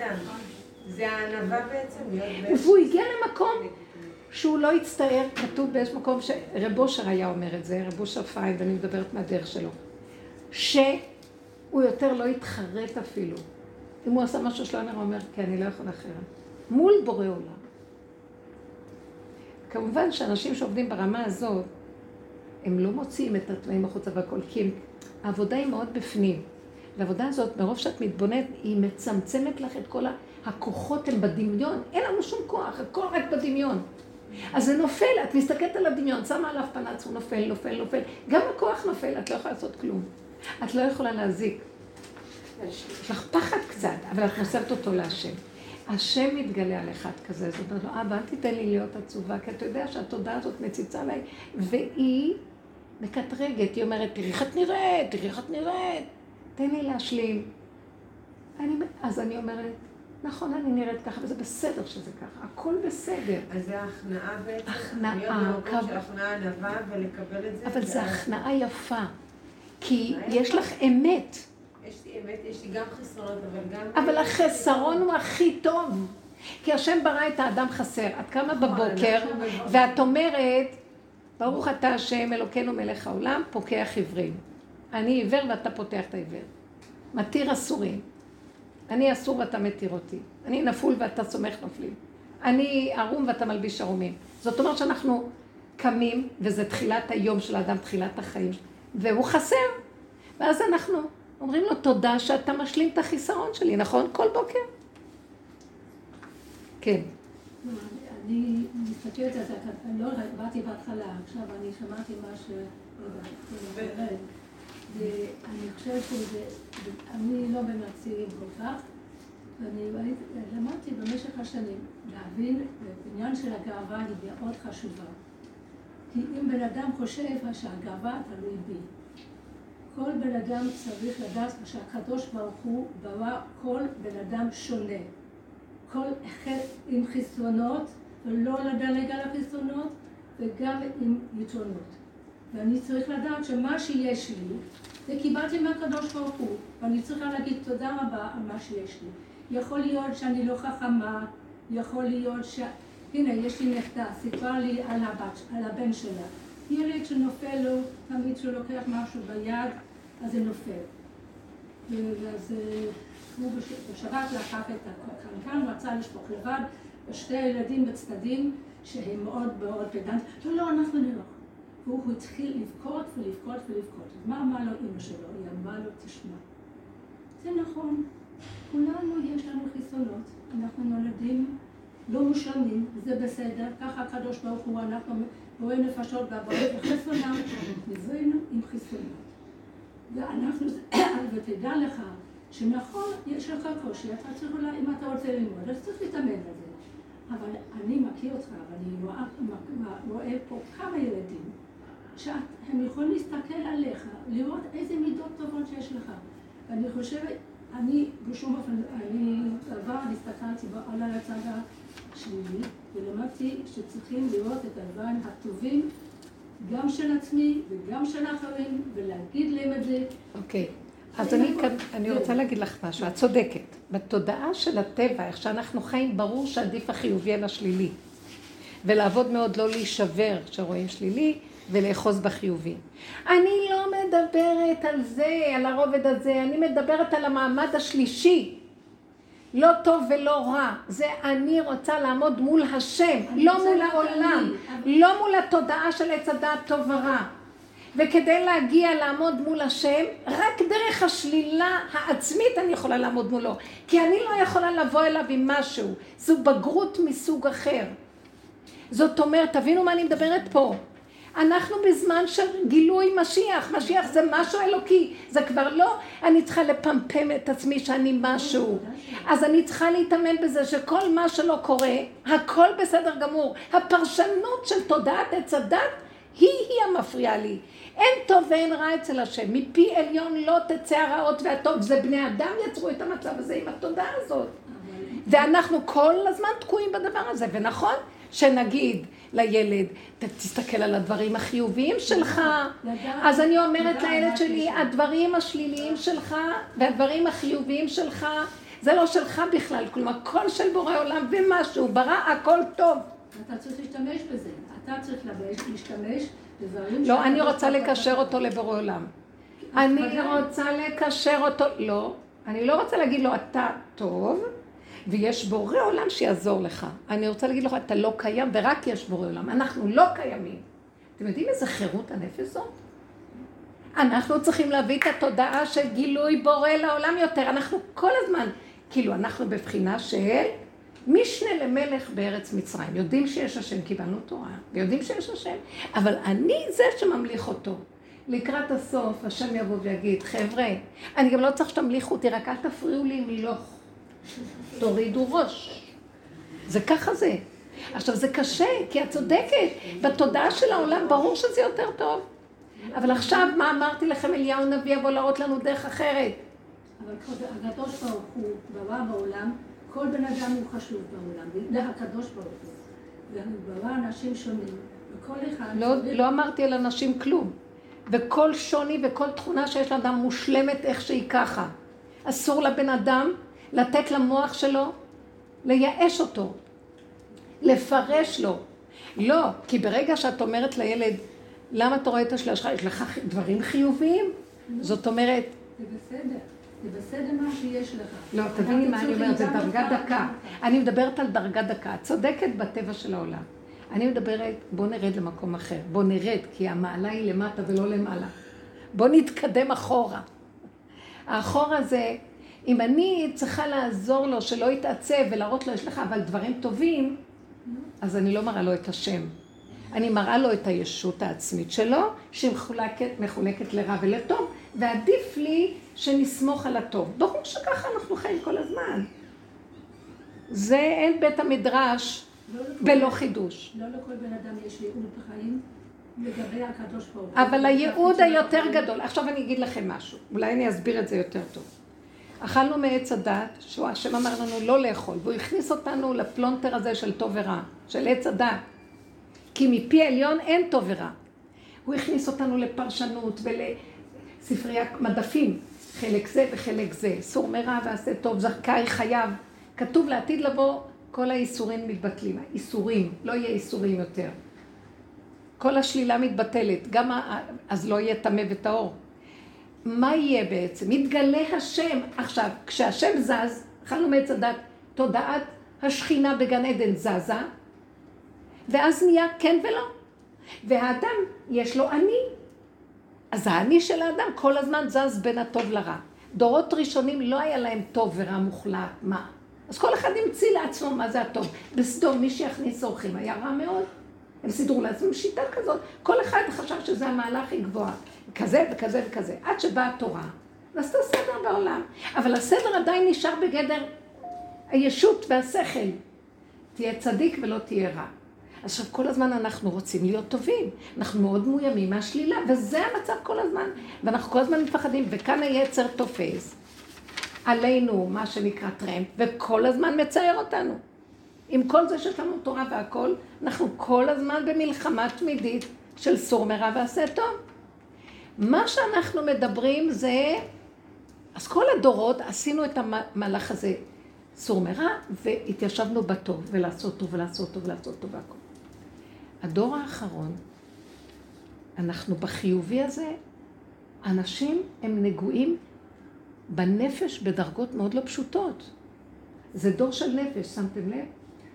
כמה שעשו מצוות וכמה שהיה רוחני בדורות קודמים, ירדנו למדרגה יותר נמוכה של נפש, מידות. והבני אדם לא יודעים איך להתמודד עם החיים. אנחנו מבוהלים מהשלילה, אנחנו מפרשים קשה כל דבר, רגישים נורא, נשברים כל כך מהר. אז אנחנו אומרים, זה לא חייב להיות ככה. הכל בסדר איך שזה. למה אני שבורה? למה אני כאובה? למה יש לי מצוקה? במוח מפרש לי שם איזה מחלקה, עושה פרשנות שזה לא בסדר מה שאני עושה. הכל בסדר איך שזה. למה? כי לא יכולתי אחרת, ואם לא יכולתי אז עכשיו זה ככה, ובסדר גמור, שלום. מה עם בחירה חופשית? נגמרה הבחירה. אם בהתחלה בחרתי סור מרע ועשה טוב, עכשיו שאני עושה כל כך טוב, ועדיין אני נשבר כל רגע, אז אני אומר, רגע, רגע, רגע, רגע. בורא עולם, אני מחזיר לך את הבחירה. אני כבר לא יכול, אני כבר מול בורא עולם. אני לא יכול לבחור סור מרע ועשה טוב. למה? כי גם הטוב והרע התבלבלו, ואני כבר לא יודעת מה טוב ואני לא יודעת מה רע. הכל נהיה מאוד מבולבל. עד כדי כך שאנחנו אומרים על דבר שהוא בעליל, שכתוב בתורה שלא יהיה, שזה ככה זה היום העולם. כל מיני דברים שקורים היום. אז אני אומר, אם כן העולם כבר של עץ הדעת טוב ורע התבלבל, אתה מסעיר עלינו את העולם, אז אני לא יכול לסמוך על עצמי, תתגלה עליי. אז למה שאני אדון את עצמי ואשפוט את עצמי ואכאב לעצמי? חבל לי גם ללכת לייאוש ולאבדון, וחלילה אנשים מתאבדים מהדברים האלה. זהו, אני לא יכולה, אני בוחר לבחור אותך. היגל לנא ופרוס נא חביבי עליי את סוכת שלומך. תאיר ארץ מכבודיך. זה לא סותר שהבן אדם הוא המדרגה הכי גבוהה שיש בעולם, והשם ברא אותו כדי שהוא יהיה כלי שלו. התכלית של הבחירה, להחזיר את הבחירה להשם. כשחטאנו, אז היינו צריכים לבחור סור מרע ועשה טוב. הבחירה של הסוף תהיה לקחת את הטוב ולבחור שגם בטוב יש לי שלילה, ולהודות באמת. וכשמגיע לשיא השלילה שאני רואה, לא להישבר ואני מוסר את זה להשם. ואני אומר לו, אני מוסרת לך, תחזור, מוסרת לך את המנדט בחזרה. אני לא רוצה למלוך במקומך. לא רוצה להיות גם המשנה למלך. אני גם לא רוצה לעשות לכבוד השם. אני מבקש שהשם יתגלה בכבודו ובעצמו. אני מבקש. כי נתקעתי, אני תקוע. אין בגרות יותר גדולה מהאמת הזאת שאדם עומד מול בורו ומדבר ככה. זה כבר לא לפמפם את החיובי אצל הילד או אצל החברה, ש, שלא יישבר. אנחנו כולנו שבורים, אז כדי שלא נישבר לגמרי, בואו נרד מהטרנד הזה. איך כל הזמן לא להישבר? כמה קורסים, כמה שיטות, כמה... וואו. תפסיקו, זה הכל אחיזת עיניים. אין עוד מלבדו, נקודה, אני מוכן למסור לך את הכל. אחריות. אנחנו כן, כן, כן. אני רוצה שהאחריות תלך אליך. אבל אני כן יכולה קצת סליחה, בורא עולם ברא את העולם למלוך עלינו. אנחנו גנבנו לו את המלכות. הוא לא רצה שנאכל מעץ הדת. אני לא יכולה לדבר פחות לשון הרע? איך? אני לא יכולה להחליט טוב. את לא יכולה. את יודעת כמה עבדתי על זה, לא יכולתי. זה פחות. אני רוצה להגיד משהו, אני לא אגיד אותו. לא, תגידי. אבל אחרי רגע שאת אומרת, אוי, היום הצלחתי. אחרי רגע את פתאום אומרת איזה לשון הרע קטן שלא שמת לב. הקדוש ברוך הוא מן הסתם ידע שנאכל מעץ הדת. זה... טוב, זה כבר קושי אחר. לא, לא, תקשיבי רגע. זה נושא בפני עצמו. השם ברא, השם ככה, כתוב בספרים הקדושים, הוא ברא שלוש כללים. הוא רצה קודם כל, הוא רצה להתגלות בעולם, שידעו שהוא מלך, שאין מלך ולא עם. הוא רצה שידעו שהוא לא מוחלט בתוך עצמו. התנאי השני, הוא רצה לברוא בריאה כדי שיכירו אותו, וליהנות את הבריאה מטובו.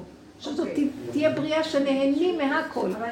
שלוש, רגע, שלוש, שהנבראים והבריאה יבחרו את זה מעצמם, ולא יהיה לחם חסד. אז הוא ברא את הבחירה. אוקיי. אז במקום שבגן עדן הוא אמר להם, מכל עץ הגן תאכלו, ובעץ הדת אל תאכלו. רגע, לי אוקיי. אז הוא נתן להם אפשרות לבחור, בקטן. הוא אמר להם, אל תאכלו, מזה תאכלו, מזה לא. אז עכשיו הוא נתן שתי אפשרויות. אם יש שתיים, אז יש בחירה. הוא יכול להגיד להם, אל תאכלו מעץ הדת. נכון. מכל עץ הגן תאכלו, מזה לא. אז הוא נתן להם בחירה, כי הוא ברא את הבריאה בבחירה, אבל שימי לב את ההבדל.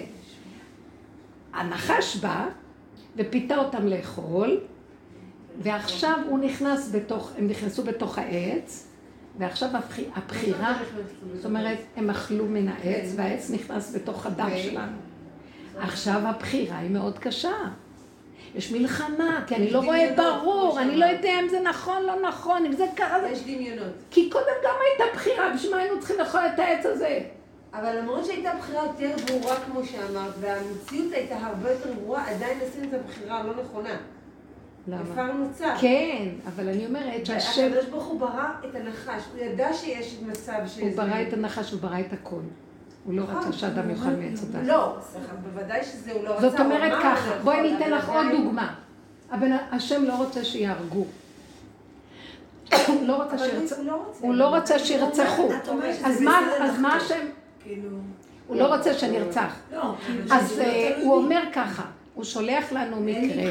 הוא נו- שולח מקרה, הוא שולח מקרה, והוא אומר לנו ככה, אני לא בראתי יצרה, בראתי פוטנציאל של יצרה, בבקשה אל תגשימו אותו. רק תדעו שהוא קיים כאילו. אל תביאו אותו למציאות שהוא יתגשם בכם, ואז הוא יהיה ממש. אבל- ויהיה לכם קשה ואתם בסוף תהרגו. השם לא ברא להרוג. יש מלאך של יצירה.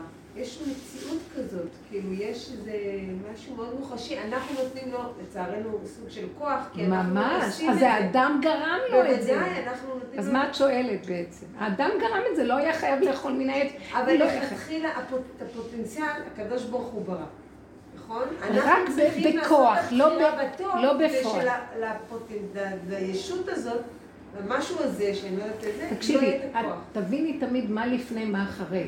עכשיו אנחנו אחרי, אבל כן. לפני כן הוא נתן בחירה, רק הבחירה הייתה בפ... לא בפועל ממש, אפשרות. ולמה לנו להסתבך עם הכל? נשאב בתוכנו, הסתבכנו, התגשמנו, כדור שלג, את עושה טעות אחת, מתגלגלת לעוד מיליון טעויות ואת לא יוצאת מזה. כן. אנחנו תקועים. אז אני, מרוב התבוננות, אני, אנחנו, מי שמתבונן ורואה, כל כך מתבוננים, אני לא יוצאת מהכדור שלי כזה, אתה יודע מה ריבונו שלום? חטאתי להשם, קח בחזרה את החיים. כי מה שאני לא בוחרת, אני פה. אני לא יכולה. דוד המלך עם כל הצדקות שלו נפל. והודה בזה. והוא אמר לו, אתה משיח צדקי עכשיו. כי זה מה שמשיח יבוא להראות לנו. תודו באמת, תקועים ולא, אין כזה דבר שאדם לא יהיה חטא. אין כזה דבר. הוא אמר, חטאתי נגדי תמיד. אז אה. כי הוא אכל מעץ הדת, זהו, גמרנו, אין. אז הגאולה בעצם היא איזושהי... זה שלווה שאנחנו... הגאולה היא מודה ועוזב ירוחם. זה אבל. כל שנה אנחנו עושים את זה. נכון. אבל אחרי זה אמרנו, עשינו את זה ויצאנו, טוב. מבינה? כל הזמן צריך. מה זה הכוונה כל הזמן? להתבונן בקטנה, להישאר בתוך עצמך ולהיות בתודעת יום הכיפורים קבוע. זו תודעה קטנה. אל תחשבי שזה צריך להיות כמו שאנחנו נראים בבתי כנסת, גם זה כבר מוגזם. צריך ללכת באמת. לא צריך שאני אחכה ליום כיפורים פעם בשנה. כל רגע הבן אדם רואה את הנקודה. אלול כל רגע. בסדר, רק באלול גם- צריך להתעורר מהשינה. אומרים כל יום גם בתפילה, אבל... כאילו, אז מה? זאת עבודה פנימית. מה שהצענו פה זה הצצה להכיר את המציאות שלנו ולרצות לקבל תודעת עבודה אחרת. זה מה שאני מציעה. כי איך שאנחנו, בתודעה הרגילה, הקונבנציונלית, איך שאנחנו עובדים, פסה. זה כל הגלות עבדנו ככה.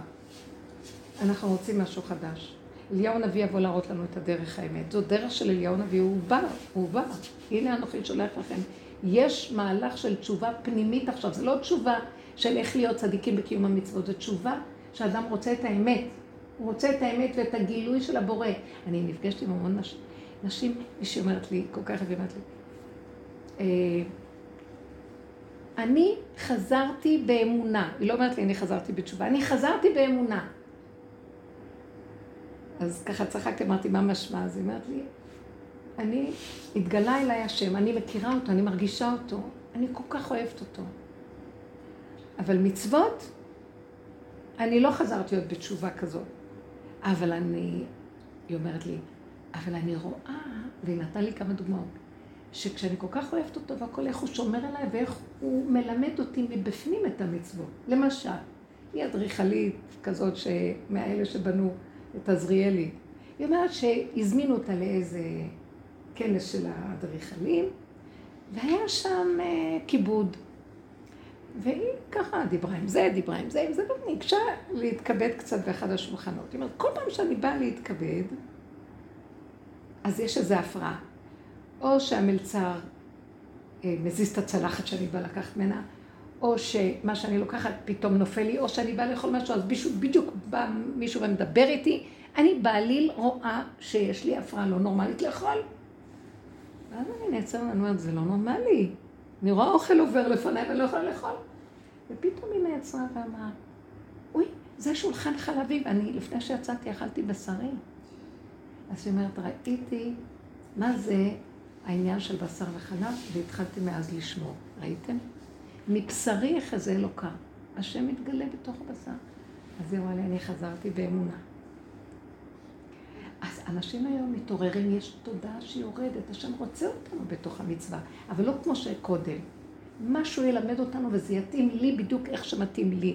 ולא עם הספרים ואחד מחכה את השני, לא... הכל, כמו שהיא אמרה כאן האישה, שכל אחד והעניין שלו וכל אחד. והוא כן יקיים במה שמתאים לו, זו תורה שבעל פה בבשרו. זה היה הלוחות הראשונים, שהבן אדם מתוכו ידע. כתוב שבלוחות הראשונים, אם היו מתמידים, לא היינו צריכים את כל החומשים, את כל... חומשים, כן. לא היינו צריכים את כל התנ"ך ואת כל הגמרות ואת הכל. אני מציעה שאדם יעשה משהו מחובר אליו גם, רק משהו מחובר אליו, ולא דברים מעבר לראש. אני אגיד לך את האמת, את אומרת דברים מאוד טובים. בתודעה הזאת, הצמצום הזה מביא את האדם לאמת. אין לך עסק בנסתרות, ואין לך עסק בגדולות ונצורות, וכל היום אנחנו, זה תודעה של חתיינות. כולם מחכים את כולם, כולם רואים את זה, מקנאים, רוצים כאן לעשות כמו זה, וזה רץ... סוף סוף אנחנו נתחיל להכיר את עצמנו ולהיות, ליהנות ממה שאנחנו. הכלים שלנו, נכיר אותם, נכיר את התכונות האמיתיות ולא הנקנות וכל מה שהתלבש עליהם, ונתחיל לאהוב את מה שאנחנו ולהיות שם, ונפסיק עם הסבל הנוראי הזה. גם במצוות. איך? גם במצוות. גם? ודאי וודאי. מה זה מצוות? כל החיים של האדם זה מצווה אחת גדולה, רק את לא יודעת. אין רגע כמעט שאת לא מקיימת איזה מצווה, בלי שתדעי. רק לא צריך שהדעת הזאת תהיה שם ותגיד, זו מצווה זאת, זאת מצווה זאת. את מקיימת מצוות, כל אדם מקיים מצוות. ללמד זכות על כולם, מה הכוונה? הולכת להגיד ללמד זכות. אין מה לבקר אף אחד, תתבונני בעצמך ותשכחי מהעולם. לא, זה מביא שלום לעולם, מספיק להרים את העיניים ולהתחיל לראות את כולם. כל אחד בתוך דלת אמותיו זה כבר יביא שלום. אז אם האדם מתחיל לראות, זה מביא לו שלווה. זה מביא לו, הוא שובת בתוך נפשו. בחינה של שבת. אבל, סליחה שאני... אני, מאוד מתרכזת בזה עצמי. האדם הוא יצור חברתי סך הכל. שקר וכזב. אני רוצה להגיד לך באמת, לא. תודעת עץ הדת מטעה את הבני אדם. באמת, השם מחבר את הבני אדם, ולא את על ידי כל מיני פעולות ואינטרסים. זה אהבה שתלויה בדבר. זה לא נכון. אנחנו עובדים עם תוכנה שמטעה אותנו. אנחנו רגע, לא יצורים לא חברתיים. לא להתחתן, לא להביא ילדים, לא. לא, לא. התורה אומרת להתחתן. אה, בדיוק. אם התורה אומרת, אז זה השם יודע מה... את מבלבלת, את יודעת? אנחנו מתחתנים, אבל הצורה של ההתחתנות עכשיו לעומת ההתחתנות של האמת היא שונה. מה זה להתחתן?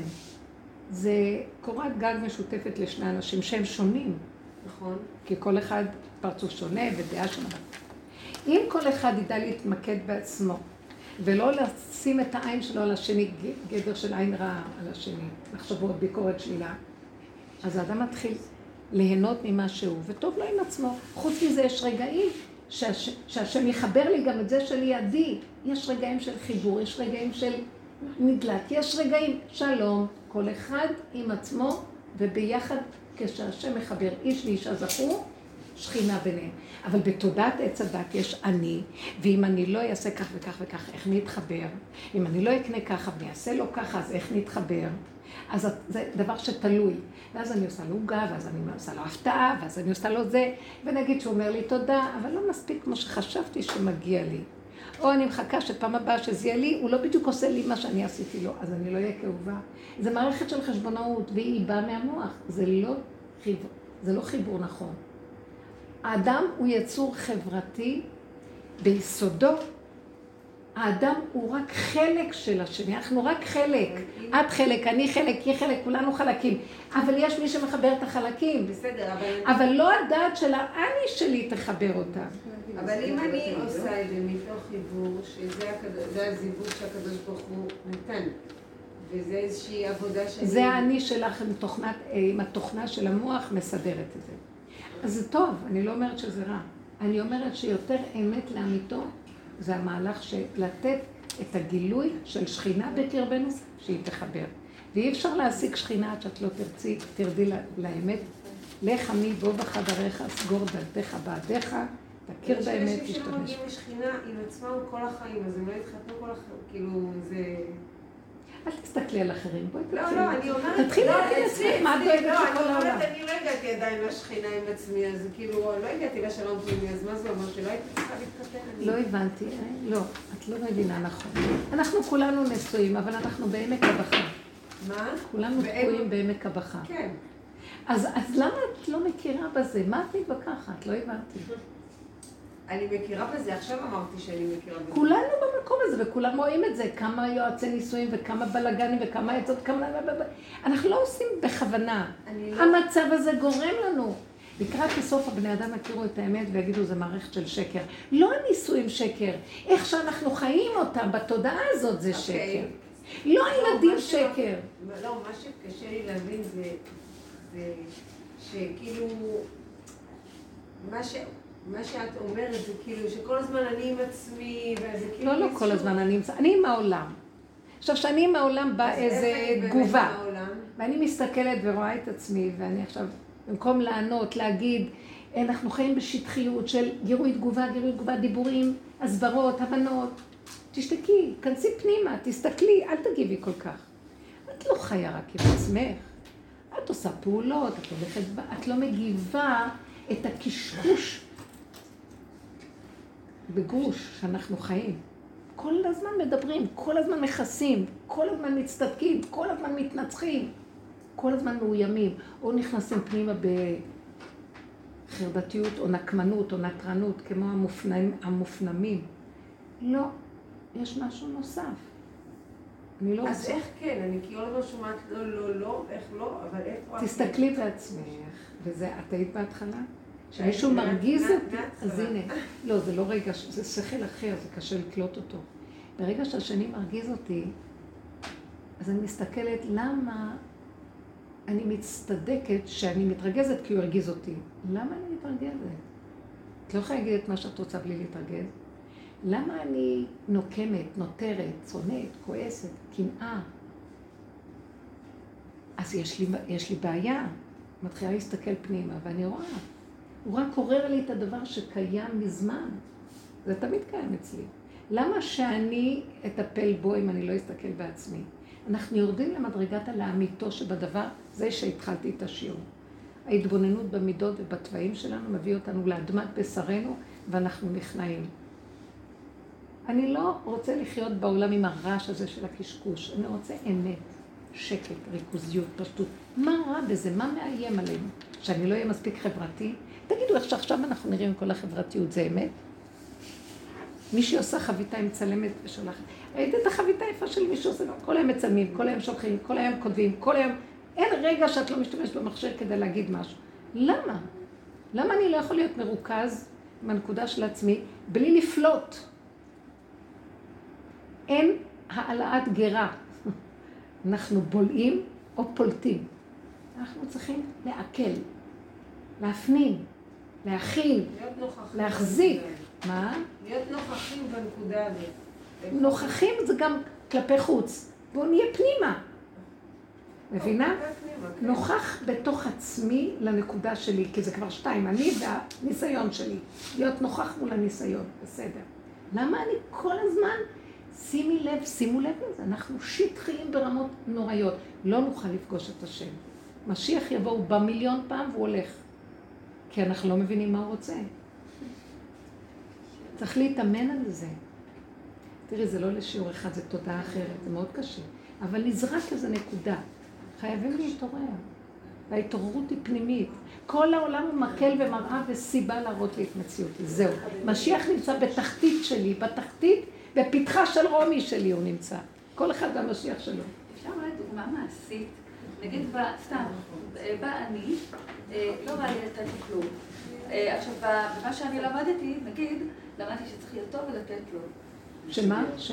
בא אליי אני, רוצה, צדקה, נותן. לא בא לי לתת לו, אבל למדתי שצריך, אז אה, כמו שאני למדתי, אוקיי, הנה אני נותנת, לך. עכשיו, מה את אומרת? אה, יפה, יפה. אני נותנת, כי זה לא תלוי לא לעשות או כן לעשות. זה תלוי שכשאני נותן, האם אני מתבונן איך אני עושה, לא מה, זה האיך. זה התורה שבעל פה, המידות. אני נכנס פנימה, מתחיל לראות, תראי איך את נראית. בורחת, את לא יכולה לסבול לתת למישהו משהו, את רוצה רק לקבל. אז אני, בהתחלה אני כאובה, לא נכון, אני אומרת, לא, אני גם נותנת, אני, בואי, בואי, בואי, את אומרת לעצמך, את האמת, את האמת. בסוף אני מודה שאני רק רוצה לקבל.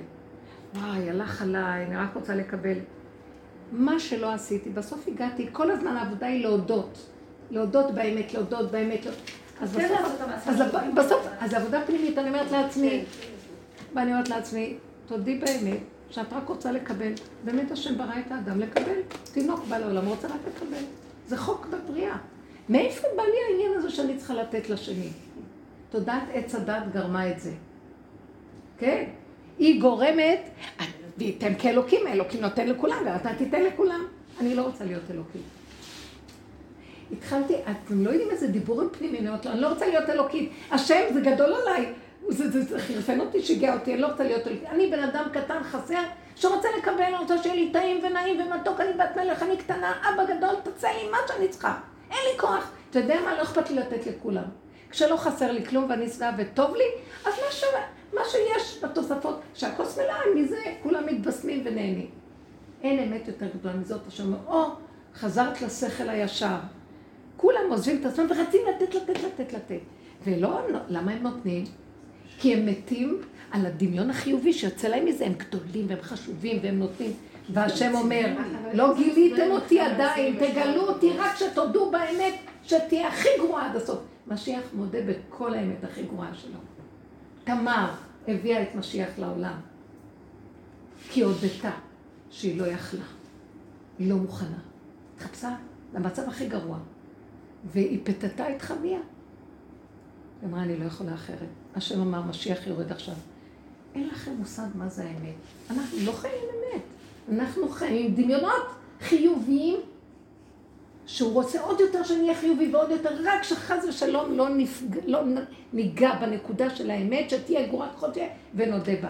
כשנודה באמת מתגלה השם מיד, קרוב השם לכל קוריו, לכל אשר יקרו באמת. האמת היא המעלה הכי גדולה שיש בעולם. לא רוחני ולא חיובי ולא כלומר, כל זה, זה אחיזות עיניים כדי לתת לנו עוד קצת קיום פה בכדור הזה. אוקיי. אני הבנתי. איזה חמודות אתן. התעייפתי. שני דברים, שני כן. דברים. קודם כל, אה, זה פחד מאוד גדול לעשות מה שאת אומרת. זה פחד. פחד אימים. את מגלה שאת עומדת, תולרת צל בלי מה, אין לך קרקע. אתם יודעים שאנחנו מדומיינים, את הולכת על הקרקע ואת חושבת מי את? כשאת מתחילה להיכנס פנימה, אין לך מעמד. מי ש... לכן אמרתי להם, עברנו את השואה. מי שלא נכנס ככה לא יכול לזהות משיח. אתם יודעים מה זה משיח? משיח כשהוא מגיע, הוא נותן מבט בבן אדם, גומר עליו. תקשיבו, אל תבקשו משיח, זה קשה. כתוב, הוא בא- באותות ובמופתים ובמורא גדול, זה גילוי שכינה. כששכינה מתחילה להתגלות, כל החרדה שיש היום בעולם זה גילוי שכינה כבר עכשיו יש. ולא יודעים, אין לנו כלים להכיל אותה, אז לוקחים כדורים. כולם מלאים חרדות. כן. אז הפחד, כאילו, זה, זה מה שאני רוצה להגיד לך, שזה פחד מאוד גדול שעושים את זה, פחד נורא. וזה זה שלב, כמו- קודם כל צריך לעבור את הפחד הזה. זה, זה נכון, נכון. אבל את יודעת משהו, תקשיבי, אבל תקשיבי. אחר כך, ואחרי שעוברים דרך הפחד מתגלה השם, אבל אי אפשר, אי אפשר מהפחד. אמת, אמת. יפה אמרת, יפה. היום אנשים לא רוצים לעשות עבודה, ואז הפחד מתגלה איכשהו, כי זה זמן של גילוי שכינה, אז יש מורה גדול באוויר, אז יש התקפי חרדה. אז צריכים ללמד את האנשים. תנשום. זה דמיון. כלום לא קיים. תכיל. אין כלום. אל תלך למעלה. תרד לבשר שלך. תגיד, אני קטן, קטן, קטן, אני לא יכול להכיל. השם תעזור לי. תח... תסכים, תסכים, תסכים. אני אומרת לכם, זו חוויה כזאת, כאילו את מסתכלת לנחש בעיניים. הוא נעלם, הוא לא קיים, הוא וירטואלי. אין. במרכז. עין, והחוכמה מהעין תימצא. אין! זה דבר מדהים. מי שעובד ככה, הוא הולך אחורה אחורה, השם איתו. תדעו לכם, השם כל כך קרוב אלינו, הוא רוצה לגאול אותנו. אבל הפחד הזה וכל הדמיון של עץ הדת וכל הישות והכוחנות, אם זה חיובי או שלילי, לא נותן לנו. אנחנו עוד יותר גרוע, בורחים לחיובי, ועשינו שם הר מכוסה בכל כך הרבה כיסויים, מסכים, מי הוריד את זה? אתם יודעים, זה מאוד קשה לקלף את החיובי. החיובי יותר גנב, פי שניים מהשלילי. עוד השלילי אומר, אני קרימינל. החיובי, קרימינל שעושה את עצמו צדיק. אבל איך את עושה. עם הרב בזונסון? איך? מה את עושה עם הרב בזונסון? עם מה? עם הרב בזונסון? מה זה הרב? בזונסון. הברסלבר. הצרפתי הזה. מי זה? אני. לא מכירה אותו. איך? קוראים לו? איך קוראים לו? בזנסון. הרב בזנסון מתל אביב. בזנסון? כן. אה, שם מוכר. שמה? הוא מוכר מאוד. לא משנה. הוא הוא מאוד אומר שדווקא הדור צריך עידוד. שכל הדור צריך עידוד, כי ה... כי ה... ה- אנחנו צריכים עידוד, כי ה... העידוד שלנו זה בורא עולם. זה לא אני חיובי. זה מפמפמים את האגו, והוא אבל גדל. מה את עושה עם הבעל שם טוב שאומר תחשוב טוב יהיה טוב? לא. ככה.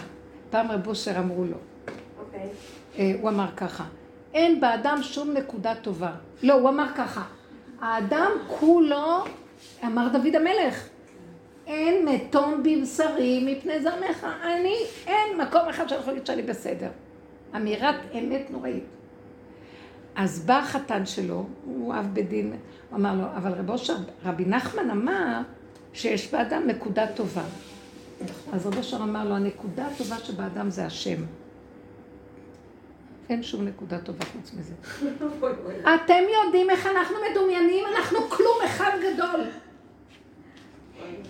אבל המוח אומר, אני זה וזה וזה וזה, הוא עושה איזה מצווה, ישר הוא מצייר לעצמו מי הוא ועושה זה, ויש לו רקורד מאתמול בשלשום, גם מגלגולים קודמים הוא כבר חוקר ויודע מי הוא.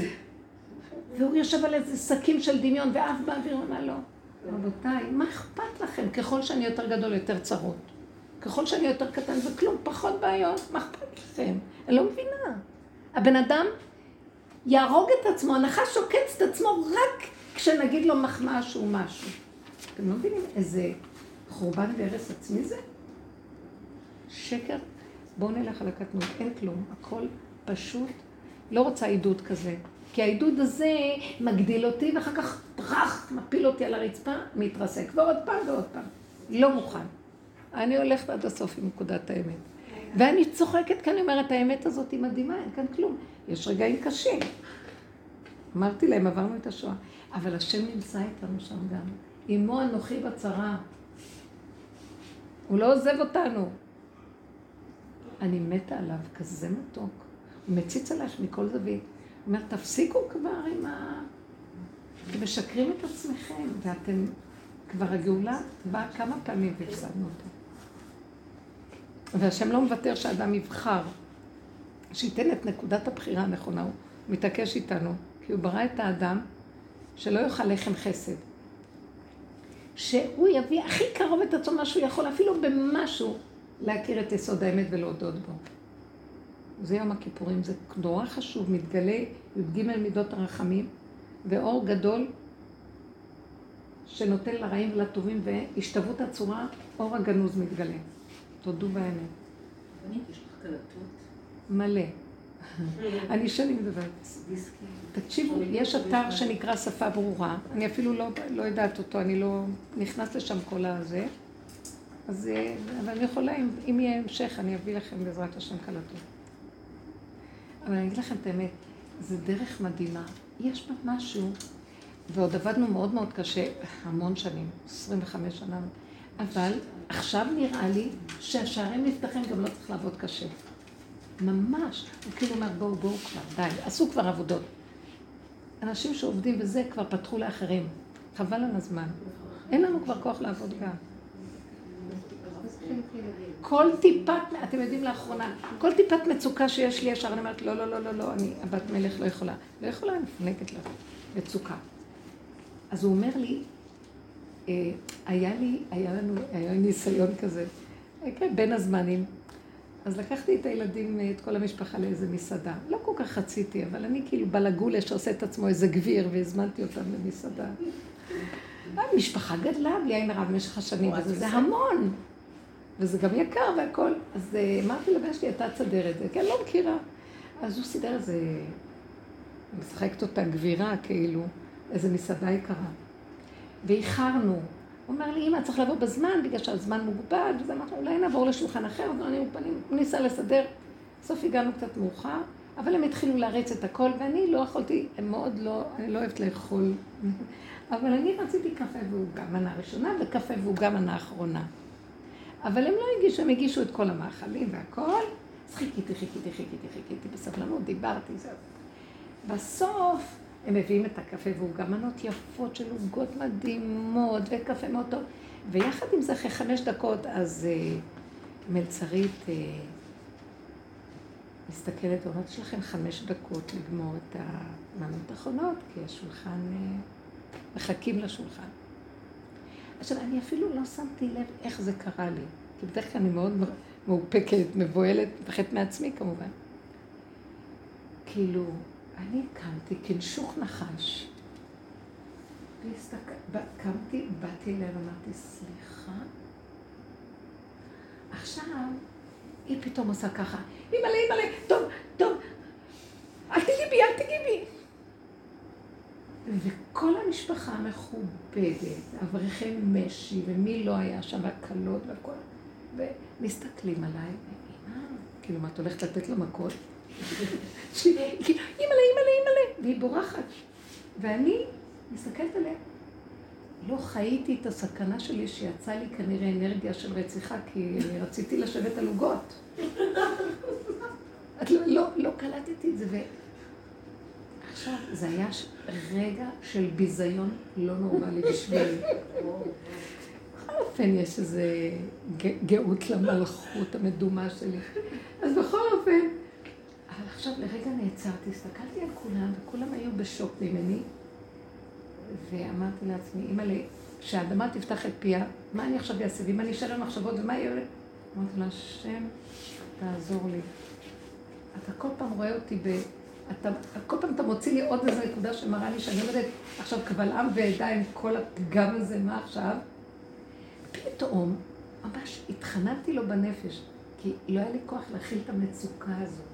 פעם הייתי גדולה, מכילה מצוקות, נאבקת, עם מה לא. ופתאום באה למוח שלי מילה חזקה. אין. אין כאן אף אחד.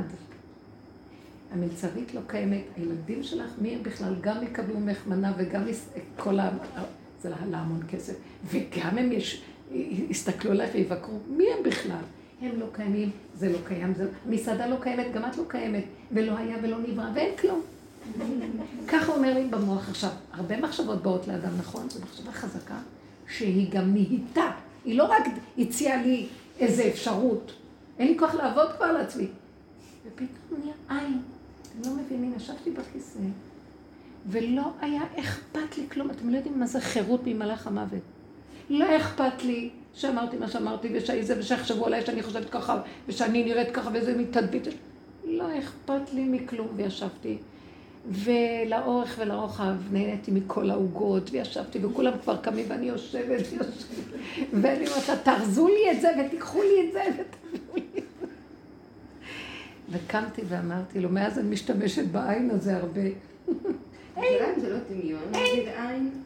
זה הוא נתן לי את זה. לא? מה אכפת לי? הוא נתן לי דמיון בדמיון. מה אכפת לי? גם זה איך שאני חיה דמיון. אם זה דמיון שעושה לי מה אכפת לי? זה לא דמיון רע. זה דמיון שנותן לי אפשרות לחיות ולא להשתגע מהדמיון הזה, שאומר לי שאת קיימת, ותראי איך את נראית, ואת, והתדמית שלך התרסקה. זה יותר טוב? זה לקחת כדורים. ובאמת זו האמת לאמיתה, כי אין כאן כלום. אנחנו מה לא נעשה כדי שיש. אז גיליתי מה זה עין. אני אסביר לך למה הוא התכוון עין. אין דמיונות, אין מחשבות. אין התודעה הזאת, הפסיכולוגיה הזאת לא קיימת. קיים הבן אדם. לא צריכה להתחצף אליו, לא לריב איתו, לא כלום. זה השם בנה אותו, הוא של השם. קיים, הכל קיים. החומר קיים. הפסיכולוגיה שלו דמיון, עין. הבנתם? העין זה רק המחשבות, וכל הרגשות, מה שבא מהם והכל זה עין, אבל באמת, הנה הכיסא קיים. והבן אדם עבר כאן, הוא קיים, הוא לא קשור אליי בכלל. זה יפה. תדעו לכם שזה בריאות הנפש, זה שבת, זה שלום, וזה מה שמשיח יראה לנו, שהכל בסדר. תצחקו, תאכלו, תשתו, תהנו ותשמחו, ותגידו תודה. הוא ברא את העולם שאנחנו נודה לו, ונהנה מעולמו. אני מודה לכם מאוד. תודה לך. בעזרת השם. תודה, תודה רבה לך. יישר כוח גדול.